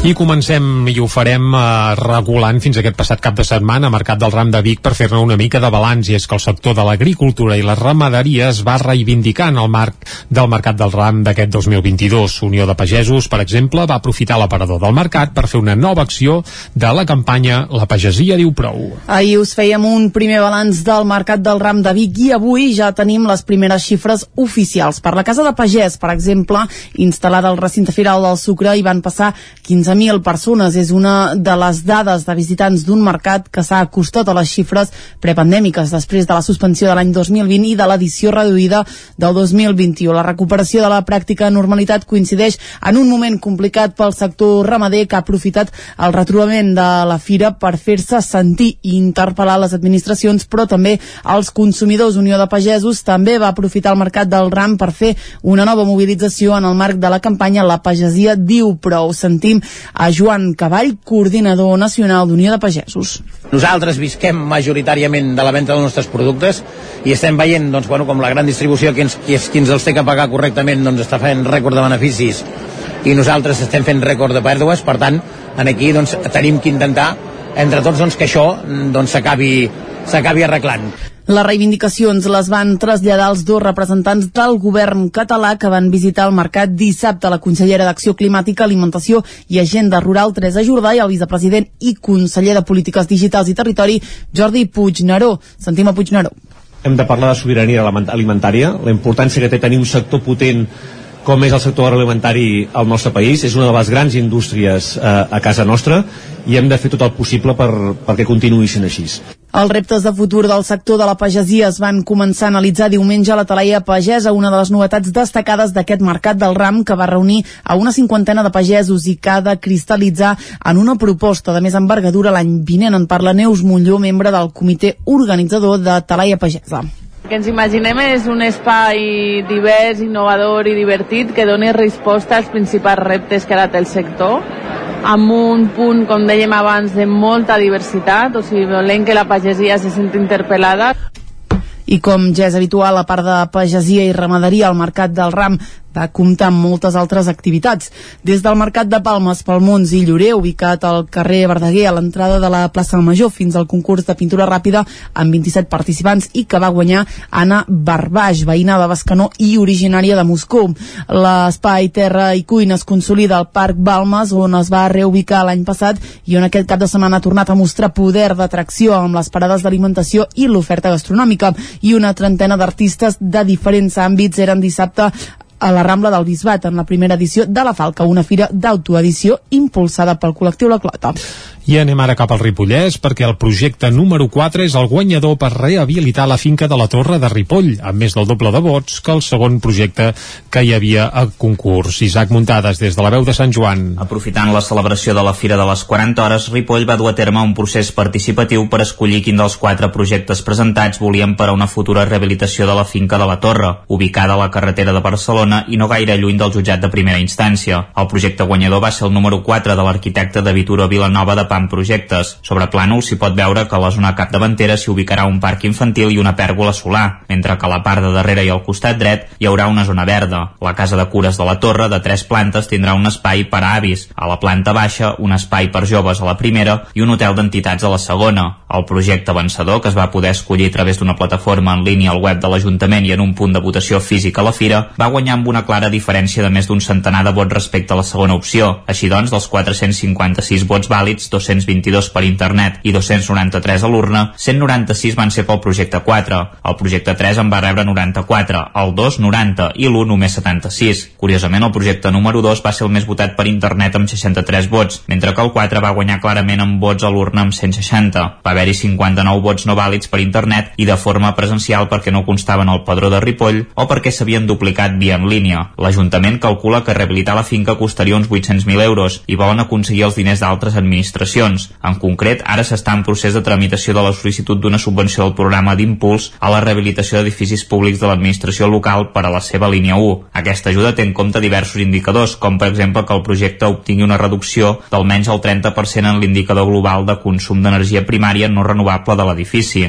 El regidor i cap de l'àrea de serveis al territori, Joaquim Colomer, va ser prudent i va apuntar que encara queda temps perquè sigui una realitat, però que és important que la gent hi hagi dit la seva i que aquest barri de Ripoll segueixi creixent amb serveis. Una rehabilitació d'aquest tipus, entre licitacions que fas un projecte definitiu tot plegat, això com a mínim jo crec que ha de passar pràcticament un any. A finals de 2023, fins a principis de 24 i tot. La veritat és que quan hi ha coses d'aquestes, doncs, que, que té sentit que la gent hi participi i la gent doncs, pugui dir la seva, molt, molt contents, molt contents perquè demostra doncs, interès per part de la gent i, i d'alguna manera doncs, que també el que es fa doncs, és de la forma més consensuada possible. El d'Obligat és la, la zona més poblada de, de Ripoll, eh, és on hi ha més massa crítica, per tant, sí, és, és important poder comptar amb edificis i per, poder comptar amb infraestructures doncs, per aquestes zones. Colomer va posar l'exemple del casal d'avis, que està ubicat anant cap a Sant Joan, després de passar del monestir. Amb la rehabilitació de la torre, la gent gran ja no haurà de desplaçar-se tan lluny i tindrà un espai per reunir-se en aquell barri. Perquè les propostes entressin a votació, es va tenir en compte que fos un edifici de qualitat d'alta eficiència energètica i descarbonitzat, en la línia amb els objectius de lluita contra el canvi climàtic. I del Ripollès anem ara cap al Vallès Oriental perquè neix l'Escola de Programació Mugentic, un projecte supramunicipal pel desenvol desenvolupament, ja ho direm bé, professional. L'objectiu és fer cursos intensius en programació i eines TIC per capacitar les persones participants i aconseguir inserció laboral. Ens ho explica Núria Lázaro, de Ràdio i Televisió de Cardedeu. L'Escola de Programació Mugentic és un projecte supramunicipal gestionat pel C7 de Cardedeu i finançat per la Diputació de Barcelona amb l'objectiu de consolidar un programa d'accions i cursos intensius en eines tecnològiques relacionades amb la informació i la comunicació, com el màrqueting digital, el desenvolupament d'aplicacions web o la gestió de dades digitals, entre d'altres, tot plegat amb una metodologia pedagògica basada en la pràctica. L'Escola de Programació és un dels tres projectes troncals del programa TTT, Talent, Treball i Tecnologia, orientat a la millora de les competències digitals de les persones i la incorporació de talent tecnològic a les empreses del sector digital 3.0, com són el màrqueting, webs o venda en línia. És un projecte que gestiona entre el C7 i la Mongia de Cardedeu i on també hi participen els ajuntaments de la Roca del Vallès, Sant Antoni de Vilamajor, Sant Pere i Cànoves i Samalús. Està finançat per la Diputació de Barcelona. I seguim al Vallès Oriental i anem ara a parlar del Sant Jordi a Vigues i Riells del FAI, que es concentrarà tot, tota la celebració davant del Centre Cívic de Vigues i també el de Riells. Caral Campàs, des d'Ona Codinenca. Per Sant Jordi, a Vigues i Riells del FAI hi haurà parades de roses i de llibres habituals, premis literaris i activitats infantils, però també gitanes, una botifarrada, concert i discjockey. A partir de les 9 del matí fins les 2 al carrer d'Anna Mogues, davant del Centre Cívic i Cultural al al Rieral hi haurà parades de Sant Jordi. De les 10 del matí a dos quarts de 12 es farà el lliurament dels premis dels Jocs Florals a les escoles al Turó i al Colomer. Més tard, a les 12, hi haurà l'espectacle familiar Llegendes i rumbes a càrrec de Jeep Gasulla i una mica més tard, a dos quarts d'una, tindrà lloc la presentació del llibre de l'autor local Miquel Mas i Puig anomenat Arrels, dos pobles i un municipi. Les activitats de tarda, vespre i nit es faran a Riells del Fai a partir de les 5 de la tarda a l'espai 1 d'octubre davant del centre cívic hi haurà tallers, una lectura de poemes i una xocolatada. A les 6 de la tarda tindrà lloc l'actuació d'animació infantil de Tot i Roger amb l'espectacle Somiatruites Nòmades. A les 7 de la tarda es podrà veure el Ball de Gitanes a càrrec de la colla del Ball de Gitanes de Vigues i Riells i a les 9 del vespre es podrà gaudir d'una botifarrada i del concert de rock dels All Reed Rosters. Seguidament serà el torn del DJ Morocha que tancarà la diada. I nosaltres el que tanquem és el butlletí informatiu de les 11 que us hem ofert amb les veus de Clàudia Dinarès, Caral Campàs, Isaac Muntades i Núria Lázaro. I ara el que farem és una breu pausa de re mig minut i de seguida ens capbussem a parlar d'economia com sempre ho farem amb en Joan Carles Arredondo. Territori 17. Envia'ns les teves notes de veu per WhatsApp al 646 079 023. 646 079 023. WhatsApp Territori 17.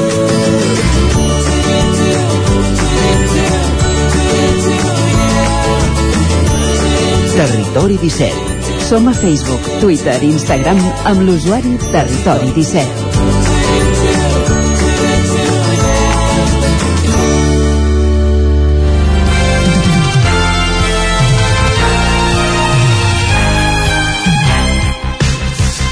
Vinga, 20 segons i serà un quart de 12 del matí d'avui dimarts, dia 12 d'abril de 2022. I ara és el moment de saludar en Joan Carles Arredondo, que tots els dimarts ens parla d'economia aquí a Territori 17. Joan Carles, molt bon dia. Bon dia. I avui em sembla que parlarem de mobilitat vinculada a l'àrea metropolitana, eh? Tot això i també de la fiabilitat dels estudis d'impacte econòmic i de fins a, que els viatges ideològics que alguna vegada amaguen... Bé, els estudis és allò que es diu a vegades, eh? Digue'm qui l'encarrega o qui el paga i ja et diré el resultat que, que té. Doncs és així, eh? Tenim aquests estudis d'impacte econòmic que una mica els carrega el diable. De, de fet, el que carrega el diable més aviat és eh, quan, quan tens la temptació de, de, de convertir-lo en un titular, no? I això va passar la setmana passada, eh? Eh, Una associació eh, que es diu Barcelona Oberta, és una entitat que plega 21 eixos comercials de la ciutat de Barcelona, eh, va publicar un estudi d'impacte econòmic que mostrava un cert canvi de tendència en l'habitual cosmopolitisme internacional del comerç de la capital. Eh? Ara, clar, com ho has vestit això, eh? Cosmopolitanisme del comerç de la capital, no? Sí, no? és a dir, estan més preocupats per al visitant estranger que no pas per al visitant local. Passa, bé, local o comarcal, que sovint, a més, és gairebé diria que majoritari, però vaja. Seria això, ara, ara ens explicarem una mica. Em, Potser ha passat que, que hi ha hagut els nervis que hauria provocar veure els carrers buits de, de Barcelona eh, durant la pandèmia, amb buits de turistes, i llavors eh, van, van dir, no, haurem de començar a mirar no, cap a, cap a l'entorn, sobretot metropolità, no? I això, eh? Dir, ara se n'han adonat que hi ha, hi ha alguns, eh, s'han adonat que hi ha molt més enllà de, de la línia de fondo o la, la de, perdó, de, de, de la parada de fondo o la de Collblanc dels metros, eh, és un món metropolità que es veu que deixen més diners a la caixa que els comerços, eh, dels comerços que els visitants estrangers. En plena efervescència del debat sobre la mobilitat a Barcelona, eh, em sembla que tots haguem d'estar molt amoïnats per, per els embussos de, del túnel de les Glòries. Sí, eh, doncs... ens preocupa molt. sí. Sí, com, com, com, diguem Per- que perdó, en perdó, sí, directa sí, sí, sí. a la distància, no? Com més lluny es, de, s'és, més menys preocupa, no? Mhm. De, de, però, però deia, eh, això anava acompanyat d'un titular demolidor. Les dificultats d'accés eh, a Barcelona en vehicle privat posen en perill ingressos per valor de 3.000 milions d'euros al comerç de la ciutat. 3.000 milions. Això eh, ho diu un estudi mm, concret, això. Eh? Sí, sí, sup- suposadament seriós. Es veu que amb 3.000 milions vol dir que aquell dia els, els zeros els regalaven, eh? perquè eh, jo vaig sentir això a la ràdio i vaig córrer a mirar l'estudi. Sí, soc, sí, és cert, sóc una mica friqui. Uh -huh. uh, I llavors vaig córrer a mirar l'estudi i ara explicarem una mica d'on van. D'on venen aquests 3.000 milions? Aviam, no els... Bé, uh, són molts. Són molts milions, Clar. eh? Uh, aquesta és una xifra intermèdia del càlcul que fa l'estudi de l'organització comercial, aquesta de Barcelona Oberta, eh? Avalua l'impacte de les polítiques urbanístiques i de mobilitat de Barcelona. I llavors el situa en l'impacte que tindria eh, per la és a dir, l'impacte que, tin- que tindrien aquestes dificultats d'accés els avalua entre 2.800 i 3.500 mil- 500 milions d'euros. Una forquilla del 20% amunt o avall, que, que no és poc, eh? que aquestes forquilles tan, tan àmplies que, mm, diguem-ne que fan, fan trontollar una mica la, fan trontollar una mica la, la, la fiabilitat de l'estudi. No? Els mitjans, hàbits de dades i de càrrega ideològica contra l'Ajuntament de Barcelona, tot s'ha de dir, es van quedar, tret algunes excepcions, amb la xifra, eh? excepcions hon- honroses, eh? en aquest cas. Alguns mitjans fins i tot els va semblar poc i van arrodonir cap amunt, eh? Però jo hem vist algun titular que parlava ja de 4.000 milions, que posats a clavar-hi milions, eh, 4.000. i ara de 1.000, eh? Vull dir, Sí, sí, mil, no, amunt, mil amunt, mil avall, tampoc no passa res. Si els que en moveu tants, ja, sí, sí, no... Exacte. Sí, sí. Però si s'aprofundeix en l'estudi, el vi queda molt rebaixat en aigua i els titulars es converteixen en alguna cosa més semblant a una fake news que un titular. Anirem a veure, eh? Donant per bones les dades de l'informe, a Que Barcelona... seria, que seria molt, ja. Ah. vaja. Mhm. Doncs a Barcelona el comerç mobilitza uns 13.800 milions d'euros.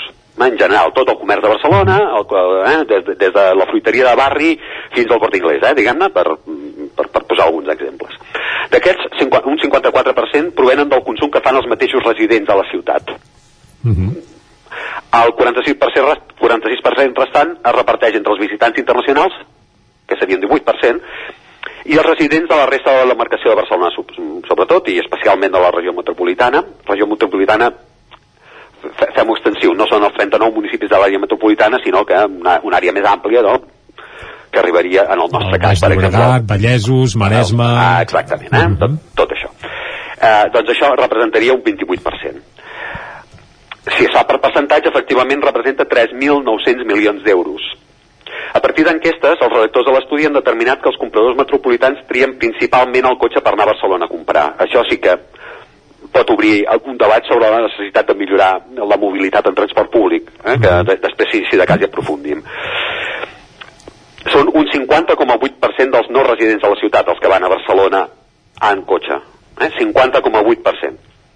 La resta eh, hi va, mm, diguem-ne, eh, i compra, no necessàriament ha anat a comprar a Barcelona. Eh? Pot haver-hi anat a treballar i aprofitar que està treballant que quan, quan surt de la feina passar per la fruiteria i comprar Per exemple. quatre tomàquets. Eh? Uh, un de cada quatre mm, d'aquests residents, eh, d'aquests no, no residents, perdó, no disposen del dispositiu que permet pas, passar per les zones de baixes emissions. Eh? El distintiu, porten distintiu groc i aquí hi ha una zona de baixes emissions a Barcelona que no permet circular-hi, no? En funció del cotxe que tens. Ah, efectivament, eh? De, de, de quina contaminació eh, es considera que fa aquell vehicle. I, I això els impediria entrar a la ciutat. Si no fos perquè més de la meitat eh, de, dels que van a fer compres a Barcelona ho fan en cap de setmana, que en cap de setmana sí que es pot circular. Per tant, veiem com aquí els percentatges van baixant, van baixant, van baixant, no? de, de, de, de persones que es veuen impossibilitades d'arribar a la ciutat per les polítiques restrictives, urbanístiques i de mobilitat de l'Ajuntament de Barcelona. Veiem com van baixant, com van baixant, com van baixant. Um, tot plegat sense tenir en compte que la majoria dels compradors foranis a Barcelona entre setmana això, eh? no han anat a la ciutat a comprar, sinó que aprofiten que hi ha això per altres motius, sobretot laborals. Um, si la despesa dels, dels visitants és de 3.900 milions d'euros i les mesures de mobilitat afecten a la meitat de compradors forans, que són els que van amb cotxe, i a més bona part no tenen aquestes restriccions imposades per les zones de baixes emissions, avui qüestionades per la just... per cert, qüestionades per la justícia, eh? Uh, es fa complicat concloure que les perdes puguin arribar a comportar, perquè clar, si, si parlem de 2.800 a 3.500 milions, diríem que hi ha un 70% o un 90% del total, Bé, gairebé hauria de ser gairebé tothom, sí. per, bueno, fins i tot un 105%, eh, si Sí, ens agafem sí. el, el titular que va fer Metropolis, Metropolis Abierta, em sembla que es diu el mitjà aquest. Vinga. Eh, Un 105%, eh, que això és quan, quan, quan els equips de futbol, quan diuen no, donarem el 200%, diu, ostres, donaràs més del que pots. En fi, eh, co co cos co coses de les matemàtiques que a vegades no, no, no s'entenen gaire, no? Això, quan el mateix estudi està dient que si hi hagués més traves a anar amb cotxe, cosa que pot passar, renunciarien a anar a Barcelona un 58% dels compradors. Mm? Això és el que diu l'estudi. no sé, de debò, mm, intento fer matemàtiques i no sé d'on surten els 2.800 o 3.500 milions. En definitiva, allò que dèiem que els estudis d'impacte econòmic els carrega el diable. Mm -hmm. També podria ser passar que fossin els que no hi van, fossin els que més gasten, no? Que això l'estudi no ho diu, me l'estan mirant i no ho diu. Uh, o, o, o també pot passar que les xifres estan fetes sobre, sota una metodologia certament innovadora mm, que no, no, Que se'ns no, no, no escapa. van comprendre, o directament fal·laç, eh? Pot, Això- pot, pot passar totes aquestes Sí, coses. sí, sí, poder, poder poden passar moltes, moltes coses, molts factors, però és evident que analitzant i posant la lupa a l'estudi, sobretot a les xifres, um, això cau pel seu propi pes, eh? Sí, sí. Tenim, per tant, unes conclusions molt poc clares que només es poden entendre en un context en el qual les polítiques urbanístiques i de mobilitat de l'Ajuntament que ningú diu que no siguin qüestionables, eh? però estan sotmeses a un pim-pam-pum que depassa els nivells d'un debat raonable, és a dir, qualsevol cosa que es fa està mal feta. Per exemple, la informació sobre l'estudi de la Glòria, de, de, de les informacions sobre l'estudi de Barcelona Oberta, eh, on hi ha hagut esments als embussos de, del túnel de les Glòries, eh, allò que parlàvem al principi, embussos que són clarament inferiors en cap de setmana. Per tant, mm, diguem-ne que mm, aquests embussos tampoc crec que hagin d'espantar gaire. Estem aquí parlant de quina manera s'han cuinat les dades i mm, que com a mínim el que es pot dir és que ha sigut, mm, han sigut agosarades eh, la, la manera de plantejar-les. Però més enllà de disquisicions tècniques, l'informe sí que obre una reflexió sobre la necessitat que el diàleg inspiri les decisions urbanístiques, eh, això és veritat, mm, hi ha un ajuntament segurament que eh, com que pensa que el seu model és el bo eh, té tendència a no fer les coses dialogant no?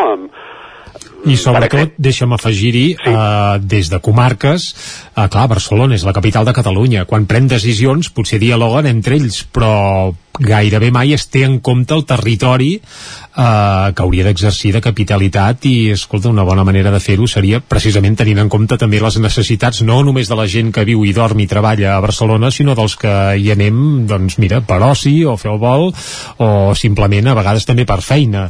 I sovint eh, es té la percepció des de fora de Barcelona que que la gent, entre cometes, amb tot el carinyo de pagès, se'ls infot tres pitos, ras i curt. justament la reflexió anava per aquí, eh, que el diàleg ha de ser intern a la ciutat, i això ha passat, eh, uh, no sé, um, Portal de l'Àngel és de vianants, uh, s'han fet coses en comerç a Barcelona, uh, i s'ha dialogat. Però també, també és veritat que cal un diàleg cap en fora, eh? Uh, amb, amb el seu entorn metropolità i fins i tot més enllà, perquè efectivament sí, és la capital de Catalunya, I n'hauria d'exercir, clar, evidentment. consumeix molts recursos en inversions i per tant jo crec que estaria bé que hi hagués aquest diàleg també de portes en fora no? Ah, um, al mateix temps demanar diàleg eh, de, de Barcelona amb l'entorn metropolità i amb Catalunya hauria de partir també del reconeixement d'aquests altres actors com un, com un subjecte en veu pròpia eh? el diàleg amb l'entorn no hauria de ser només per determinar com es vol que Barcelona sigui més atractiva per anar-hi a comprar l'entorn metropolità i Catalunya en general també tenen els seus comerços i bàsicament aquests 3.000 milions d'euros que suposadament estarien en risc, el, el titular exacte és 3.000 euros, 3.000 milions d'euros estan en risc, en risc, clar, tam- també estan en risc tot perquè pot, et pot caure el cel a sobre, és improbable però pot passar, eh? Sí, poder, sí, sí. Doncs eh, aquests, eh, aquests 3.000 milions, els que siguin que s'escaparien de Barcelona, eh, aquesta Barcelona presa per un urbanisme tan suposadament hostil, no s'evaporarien. Si la gent té necessitat de comprar, potser anirà a comprar en el comerç del seu barri, per tant, mm, no és gaire comprensible que hi hagi aquesta manera, aquest intent d'estirar, no? Uh, que, que, eh, el, el top a mi que, que, que sembla traspoar, no?, aquest, aquest estudi per, acabo, eh? segurament un punt de consens en què tothom estaria d'acord és que cal millorar el transport públic per Això tant, segur.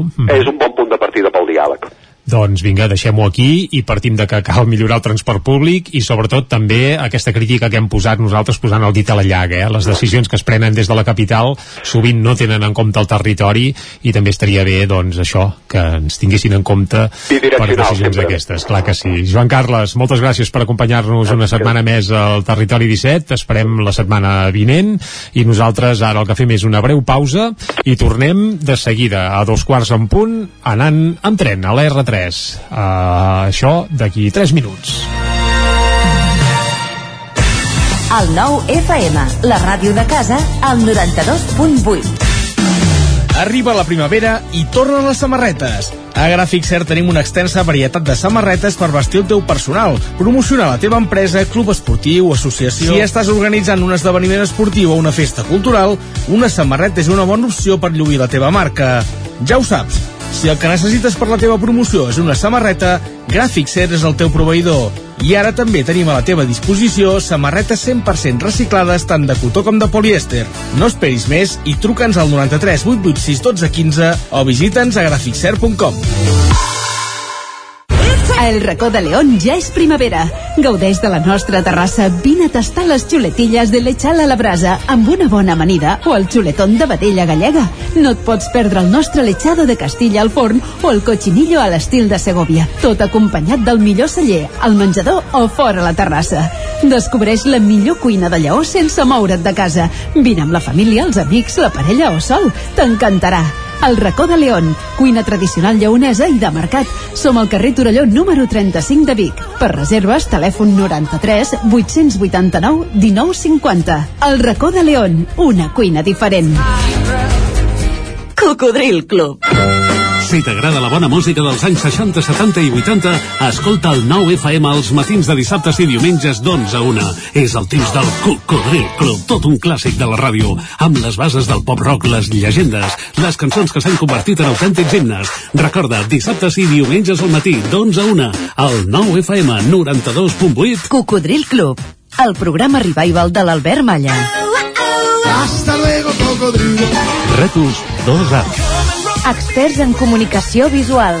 Rètols, banderoles, vinils, impressió, plaques gravades, senyalització, displays... Rètols Dos Art. Ja són 25 anys al vostre servei. Ens trobareu a la carretera de Vic a Olot, número 7, al polígon Malloles de Vic. dosartvic.com Telèfon 93 889 25 88. A la Clínica Dental Sant Fortià hi trobareu un equip professional que treballa de manera coordinada per oferir un tracte sensible i humà.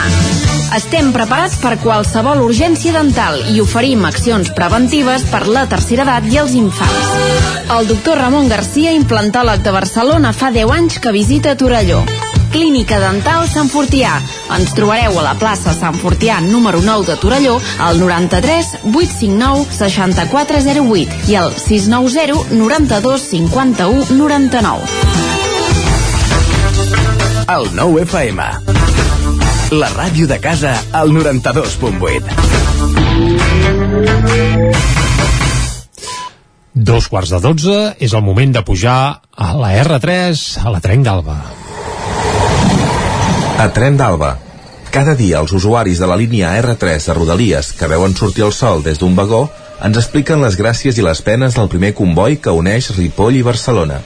Benvinguts a Tren d'Alba. Avui acabem amb el fil que estem comentant aquests dies de l'Arnau Coma Joan sobre la R3 i les infraestructures que vindrien si es fessin els Jocs Olímpics d'hivern als Pirineus. Doncs bé, les seves conclusions són que hi haurà un model d'explotació amb dos seccionaments de la línia R3, que hi ha una incògnita i indefinició sobre el servei Ripoll-Vic i Barcelona, que renuncia a l'aposta pel transport en tren a la capital catalana i que hi haurà un servei intensiu per als Jocs Olímpics que deixa de banda tota altra demanda de mobilitat. Per tant, com a Joan, arriba a la conclusió final que tot el que fa referència a desdoblar la R3, i no diguem fins a Puigcerdà pels Jocs Olímpics, és fum i més fum. Escoltem una nova crònica d'en Jordi Valls. Bon dia, sóc en Jordi de Centelles. Avui he baixat normal, diguem-ne. En el primer tren hem arribat a plaça Catalunya uns 3-4 minutets i he coincidit amb les meves amigues o companyes de tren. Temes de conversa, extraescolars. Hem estat parlant de l'estrès que la canalla pateix fora de l'horari escolar. Les extraescolars, el futbol,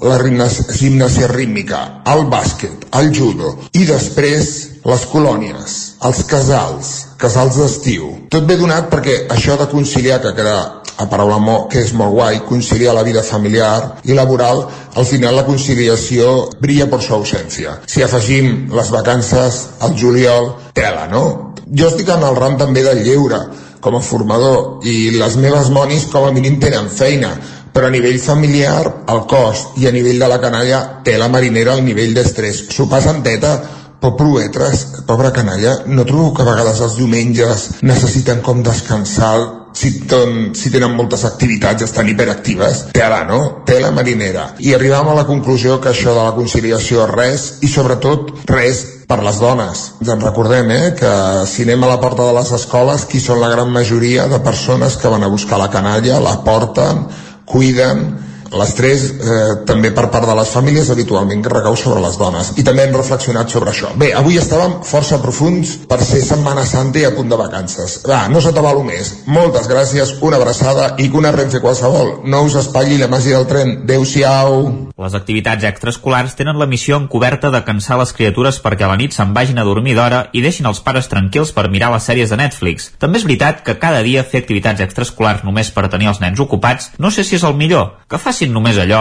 en què s'ho passin més bé, que després se'n cansen de pressa. Va, ens retrobem demà amb més històries del tren i de la R3. Territori 17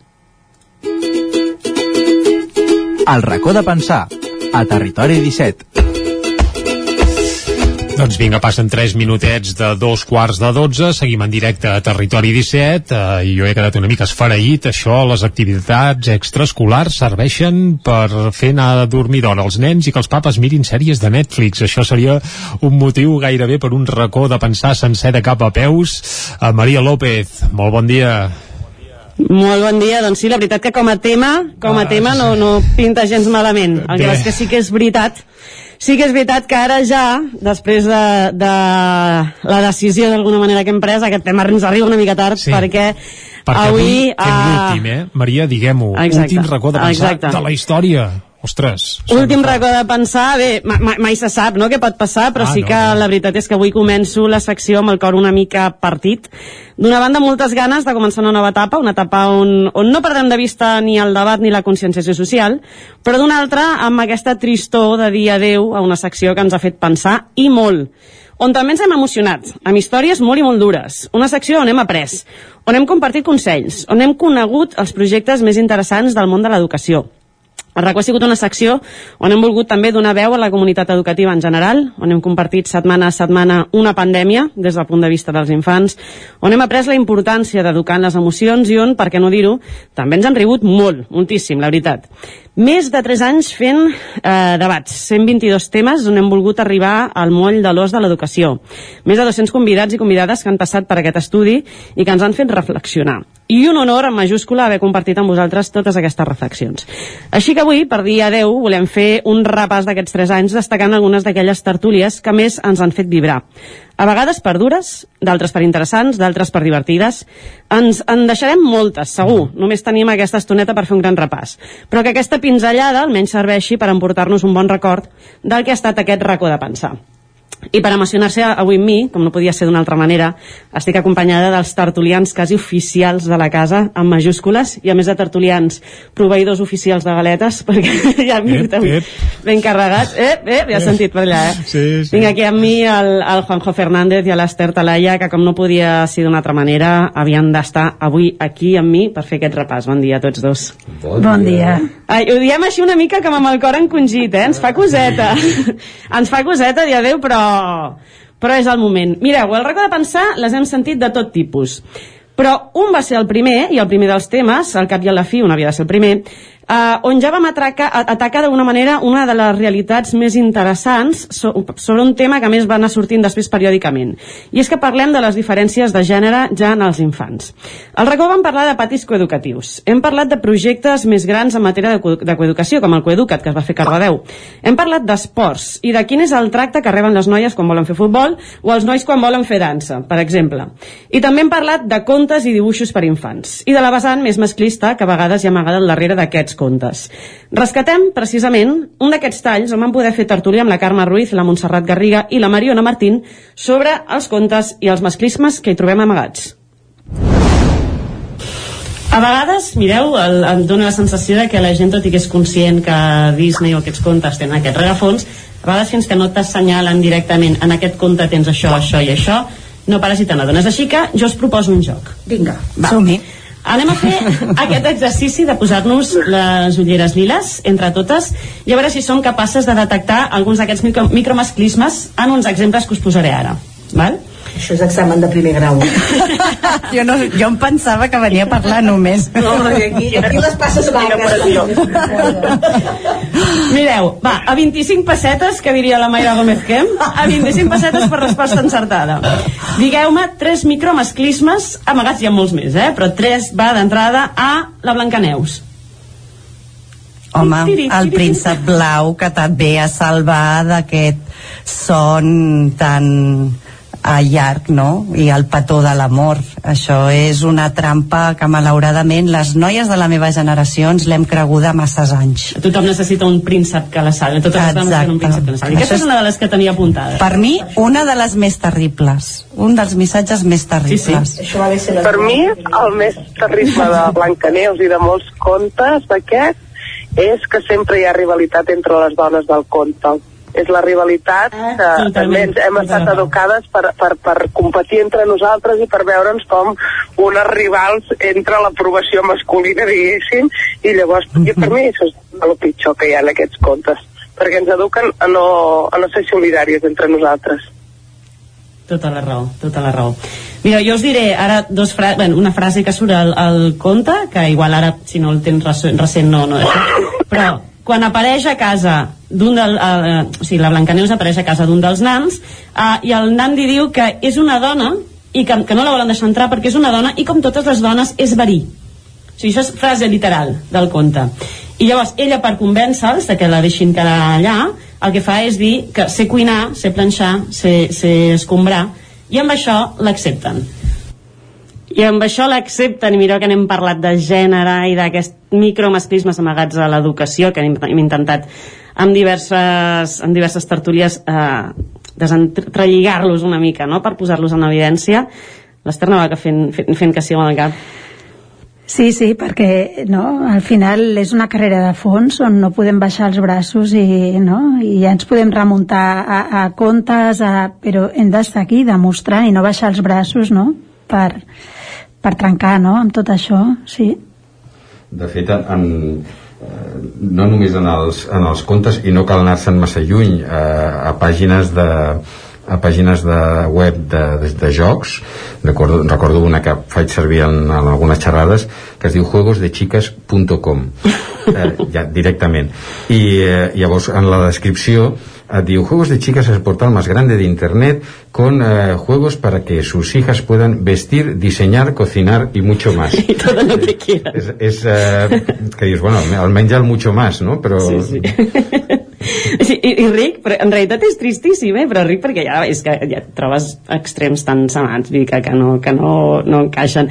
Però sí, és un dels temes que des d'aquí hem volgut rescatar moltíssim i, i posar en evidència aquestes diferències de gènere que també trobem en, amb l'educació, amb els contes, amb aquestes petites coses.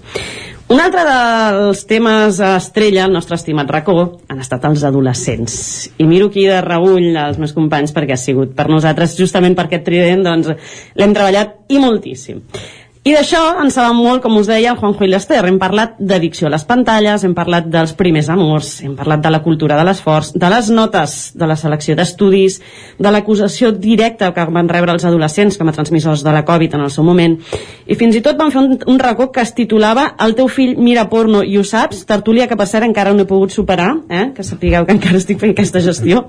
Però si em permeteu, jo he volgut fer un tall amb una d'aquelles enumeracions que ens presentava en Juanjo, amb el seu 30 manaments per tractar amb adolescents i que ens ha ensenyat la cara més amable i divertida de ser o ma mare o pare d'adolescents és difícil, és una, és una etapa complicada, sobretot per la comunicació. No és senzilla per als pares, perquè tenim aquella cosa de... Què? Què tal? Estàs bé? Sí. Mm, però ja llavors I tu, silenci. tu, et, pre- tu et prepares i dius no, és que li he de fer preguntes de, de no preguntes tancades, sinó preguntes de resposta oberta I, què? I, i com estàs? bé eh, dius, ostres, tu, què, què, què n'hem de fer? és veritat que no els hi, la comunicació no és senzilla pels pares, tampoc és senzilla per ells, que constantment estem preguntant, constantment els estem dient, constantment, constantment, i mentre que eh, les famílies poden pensar és que no parla amb nosaltres, és que no ens explica res, i ells poden pensar és que no paren de xerrar, no callen mai. I és amb, aquesta, amb aquest equilibri que, que ens, hem de, ens hem de moure. Parlar amb els adolescents, amb tot el carinyo pels pescadors que puguin, es puguin estar escoltant, però és com pescar amb canya que, que d'entrada dius, sí, apassionant, eh? Estar aquí amb la, amb la canya, però ja has de ser, perquè tu estàs allà, amb, amb tu no parlen, entre ells sí, per allà sota l'aigua, però tu has de ser-hi amb la canya, perquè hi ha un dia que per una conjunció astral hormonal de difícil explicació, aquell dia sí que s'enganxen i comencen a xerrar, i tu has de recollir, eh, jo pensant, ostres, a veure que sense creure per això que ja tens solucionada la comunicació amb el teu adolescent perquè si penses, bueno ja està, això ja ho tinc l'endemà, aquell que ha estat una hora i mitja rajant i parlant amb tu vas a dir, què, què, xaval, què, com va, com va? bé, bé, perquè ja ha passat la conjunció astral hormonal fins a la segona alineació dels planetes has d'agafar una altra vegada la canya i posar-t'hi Boníssim. O sigui, Juanjo, no saps quantes vegades en aquests 3 anys he recordat aquest, aquest tros, La imatge de la canya. la imatge de la canya, i m'he intentat posar en modo pescador, eh? Perquè... Francament és boníssim, eh? Jo sí. també em- m'emporto això, no? El seguir pescant i amb il·lusió, no? Sí. I si no pesquem res un dia no passa res, l'endemà ho tornem a provar. Jo real que amb vosaltres m'he estalviat teràpia, o sigui, però així de clar, i, i consells a nivell d'educació moltíssims, sobretot en, en adolescència, no? Vull dir que és al final el que, em, el que ens ha tocat, amb el, amb el que em trobava de ple jo aquests 3 anys, no? Aquesta qüestió de la comunicació, com, com més temps va, més clar tinc que és, eh, és essencial, és fonamental. Que hi hagi comunicació i sobretot que hi hagi per part nostra la disposició a comunicar-se que, que pot ser que, que sigui corresposta de l'altra banda o no, però que hi hagi la disposició a comunicar-se això, mm, això és, eh, és bàsic és bàsic, encara eh, aquests dies que, que corre molt el tema aquest de les criptosectes i de, de xavals joves que s'enganxen a, a, a esdeveniments d'aquests eventos on se'ls hi promet que, bueno, que triomfaran i això i que, i que acaben embolicats. I un dels experts que sortia en un programa deia parlava d'això, la recomanació no era una recomanació econòmica, era una recomanació de dir, eh, famílies, eh, comuniqueu-vos amb els vostres fills, estigueu al cas, perquè si et comuniques tens més possibilitats de, que, de, que, de poder saber què és el que està passant. Però això vol dir que aquesta comunicació ha de ser de les coses més quotidianes, més avorrides, més pedestres, eh, i ha d'existir, perquè llavors, quan hi hagi alguna cosa que és realment transcendental, també sortirà, perquè hi haurà aquest costum de comunicar-nos. Per mi és real que, que gràcies una mica a aquestes tertúlies que teníem, i suposo que per molta gent que ens escoltava, agafar-se fins i tot la- l'adolescència o aquesta fase des d'un punt de vista quasi amb humor, no? De, de dir, bueno, no, no està passant res que no li hagi passat a qualsevol altre adolescent abans i tu no, no ets cap novetat, no? Allò que et pot semblar que és que com em pot passar? Això li ha passat a milers i milions de persones abans i no passa res. T'ajuda a veure amb un punt de, de vista això, no? fins i tot a- amb humor, amb certa gràcia, i quan t'ho trobes a casa és com, jo ja estava preparada perquè passés això.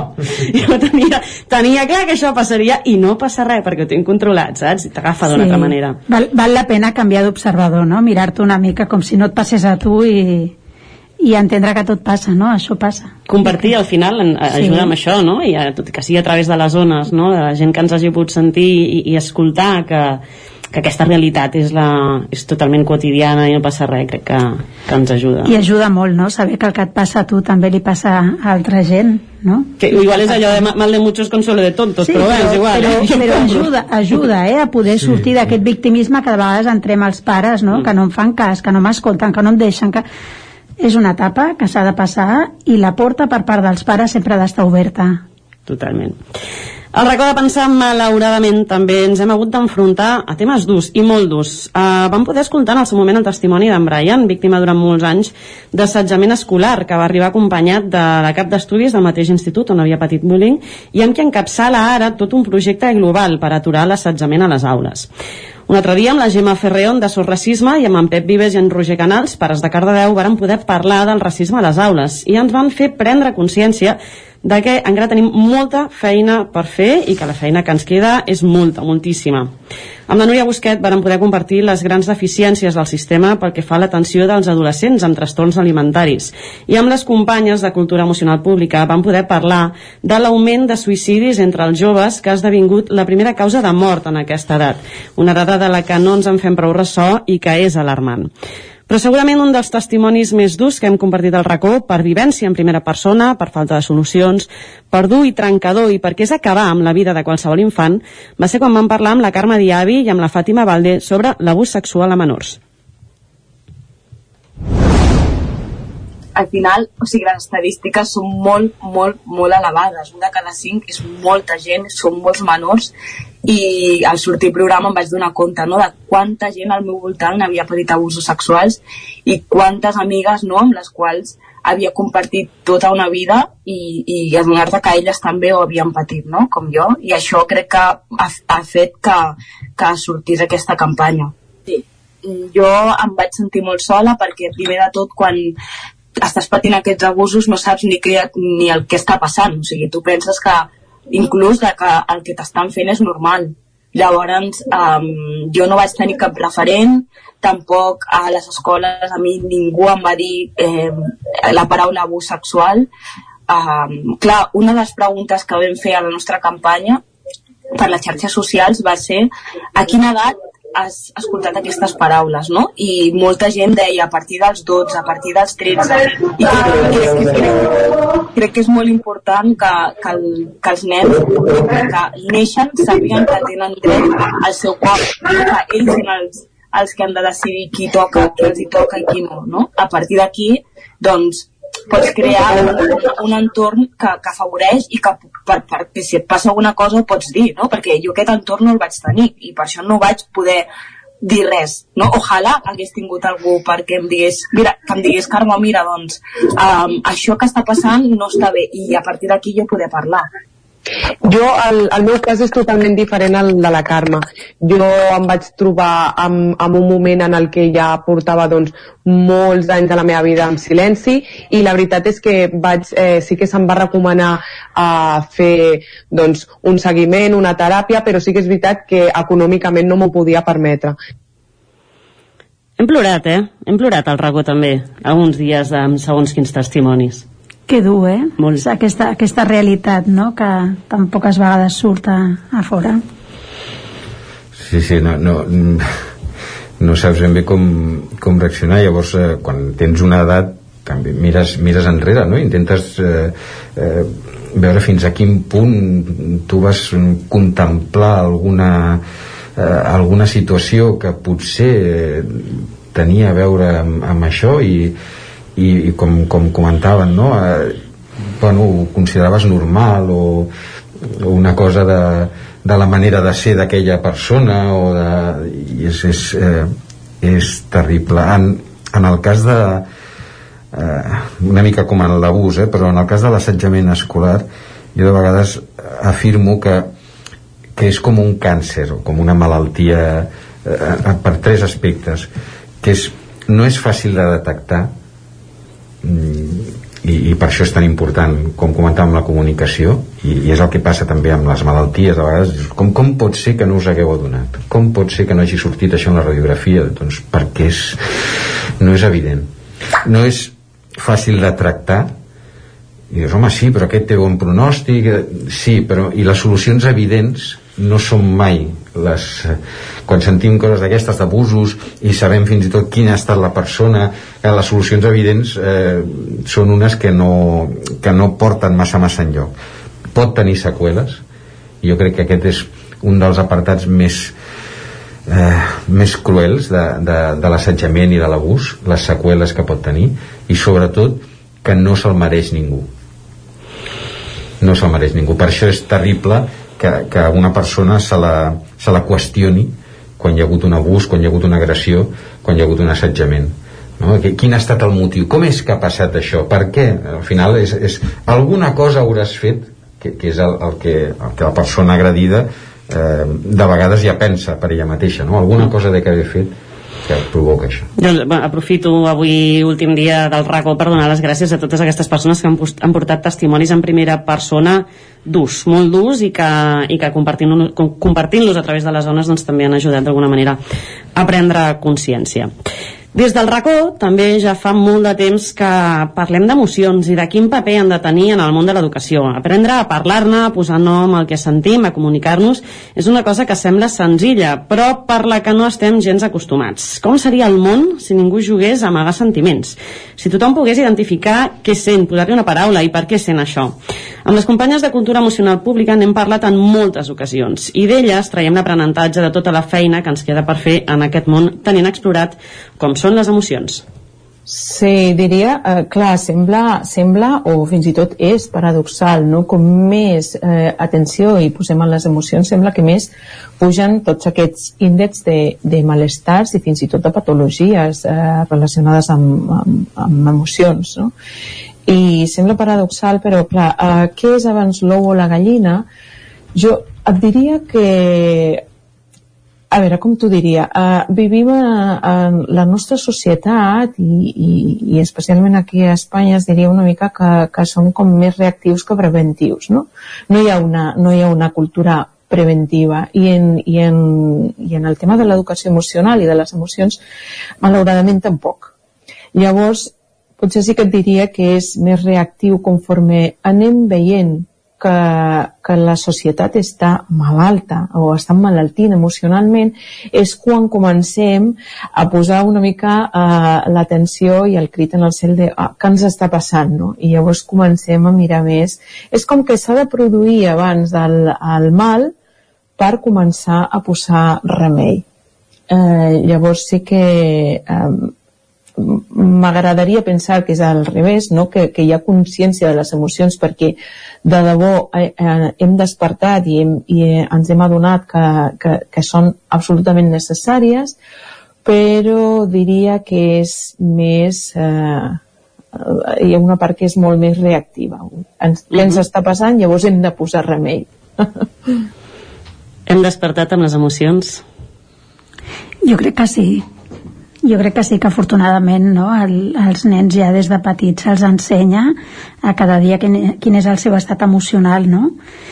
I és un camí, és un camí, però jo crec que sí, que les emocions estan al centre de la nostra vida sempre i que val molt la pena, no? Eh, posar atenció. I a nivell d'educació les hem intentat anar, anar centralitzant, no? Cada vegada una mica més. Jo reconec que amb aquest tema mm, he, he anat experimentant una certa emoció d'endurir-me eh, perquè crec que ens falta fer un, un pas més. O sigui, crec que, que ara hi ha una igual, igual no, no és el, tampoc el moment de dir-ho ni el lloc eh, però eh, a veure, com diu se'ns ha anat una mica de les mans el tema de mm, treballar això però no acabar-ho de treballar. Llavors crec que ens hem quedat molt a mal. Eh, sentim unes emocions alumne, sents unes emocions, això, sí, però ara què, què pots fer? I ara què fem amb tota aquesta no? bola, no? Perdoni, on dius això? Clar, I que mm, això no ha de treure, i em temo que de vegades la cosa ha anat per aquí, que tinguis l'emoció que tinguis, hi ha coses que no les has de fer i ja, mm, per exemple, ara acabàvem de parlar, no? I per molta emoció que tinguis, eh, de ràbia, d'ira, de desig, d'això, això no et justifica per fer segons quines uh mhm. -huh. eh, actuacions i em temo que això no ho hem acabat de, de pamar a les escoles i per això m'atreveixo a dir que, que al, al nivell de secundària com a mínim hi ha un esgotament per part dels alumnes és dir, que tu dius la paraula emoció i si sí, sí, es desperta una emoció de, de, de tedi, de, de gairebé de fàstic, de dir, no, sisplau, una altra vegada no. Que ens falta és, és tancar del tot. Però com deia al principi de tot, el racó de pensar també hem rigut, i hem rigut moltíssim, perquè tot i que la tasca d'educar a vegades és complicada, dura, ens fa dubtar i ens posa en situacions molt complexes també, moltes vegades ens regala moments meravellosos. I aquí al racó hem, hem dedicat tertúlies a anècdotes, a entremaliadures, a sortides d'aquelles avispades de l'infant que et deixen en evidència. I de tot aquest recopilatori eh, n'he seleccionat un parell no sé si ens donarà temps a les dues però una almenys sí que recordo quan la vam escoltar aquí era un àudio que ens va enviar una família i vam riure molt però hi ha moltes més. Deixem un moment que escoltem aquesta doncs una vegada l'Àlex eh, va preguntar, l'Alexis, 4 anys, va preguntar què era Xocho. I bé, jo en el, un moment d'inspiració brutal que em va semblar buah, superadient i superguai, vaig dir altramuces, filla, són altramuces, que no sé com es diu en català, tramussos eh, dic, són dic allò que, i ella deia, què? però què és? i dic, sí home, allò que menjava, el teu tiet Xavi aquest estiu, te'n recordes? que menjava molts a l'estiu el Xavi i diu, ah, sí, sí, ja sé què són ja sé què són els tramussos, els xotxos i ara a partir d'allò doncs li va dient a la gent que el seu tiet Xavi menja xotxos mm, clar, no crec que li hauria d'haver explicat una altra cosa això no podia acabar bé de cap manera, eh? És fantàstic, eh? És fantàstic aquesta, aquesta part dels nens, eh? Bueno, en definitiva, aquí hi ha hagut un embolic per part de... Alguna cosa, jo ja quan he dit, li he dit que era això, ja vas pensant, no, no, potser no ho estem gestionant del tot bé, això. És com l'acudit de l'Eugenio de, de, de, la confusió entre buo i culo, i el, que al final... Que, ja no me'l sé, aquest. Que, doncs que, que, el, que diu vaya culo al pare, i llavors el fill li diu, què, què, què has dit? I llavors el pare diu, no, dije buo. I llavors, i los buos tienen buas? Sí, hijo, tienen buas. I, i tienen buitos i tienen buitos. I al final, mira, he dicho culo. Saps que havia sentit sempre la frase de he dicho culo i no sabia d'on venia? Ets molt jove, Maria, ets molt que bonic, que marxo ara ja. és bo no saber El Juanjo i jo aquest acudit ens ha acompanyat, el Juanjo. No sé, personalment crec que, que dintre de tot el que hem viscut aquí al racó, doncs dintre de moments molt durs, testimonis molt durs, molta reflexió, al final aquests moments també compartits, aquestes anècdotes que al final ens donen la, la vida, doncs mira, també ens alegren una mica i ens recorden que ser mare o pare també té moments molt i molt divertits. I tant. I ara sí, fins aquí el racó de pensar uh, i aquesta frase la dic avui amb molt més sentit eh? aquesta meravellosa aventura de 3 anys on hem estat molt i molt ben acompanyats amb tertulians tan cracs com els que avui m'acompanyen mil gràcies a tots dos per formar part d'aquesta aventura i com ja us avançava el racó s'acaba però torno torno ah. dimarts que ve tornarem tornarem donant guerra amb les companyes de Territori 17 amb una nova secció i és que ja ho vam dir en el seu moment el vuit tema és cada dia. I per això tornem, per recordar-ho des de les zones també. Doncs vinga Maria, això serà la setmana que ve. Moltes gràcies. I nosaltres el que hem de fer ara és acomiadar el programa, tornarem per això demà dimecres sant, salut i fins llavors. Territori 17 un magazín del nou FM. La veu de Sant Joan, Ona Codinenca i Ràdio Cardedeu amb el suport de la xarxa. El nou FM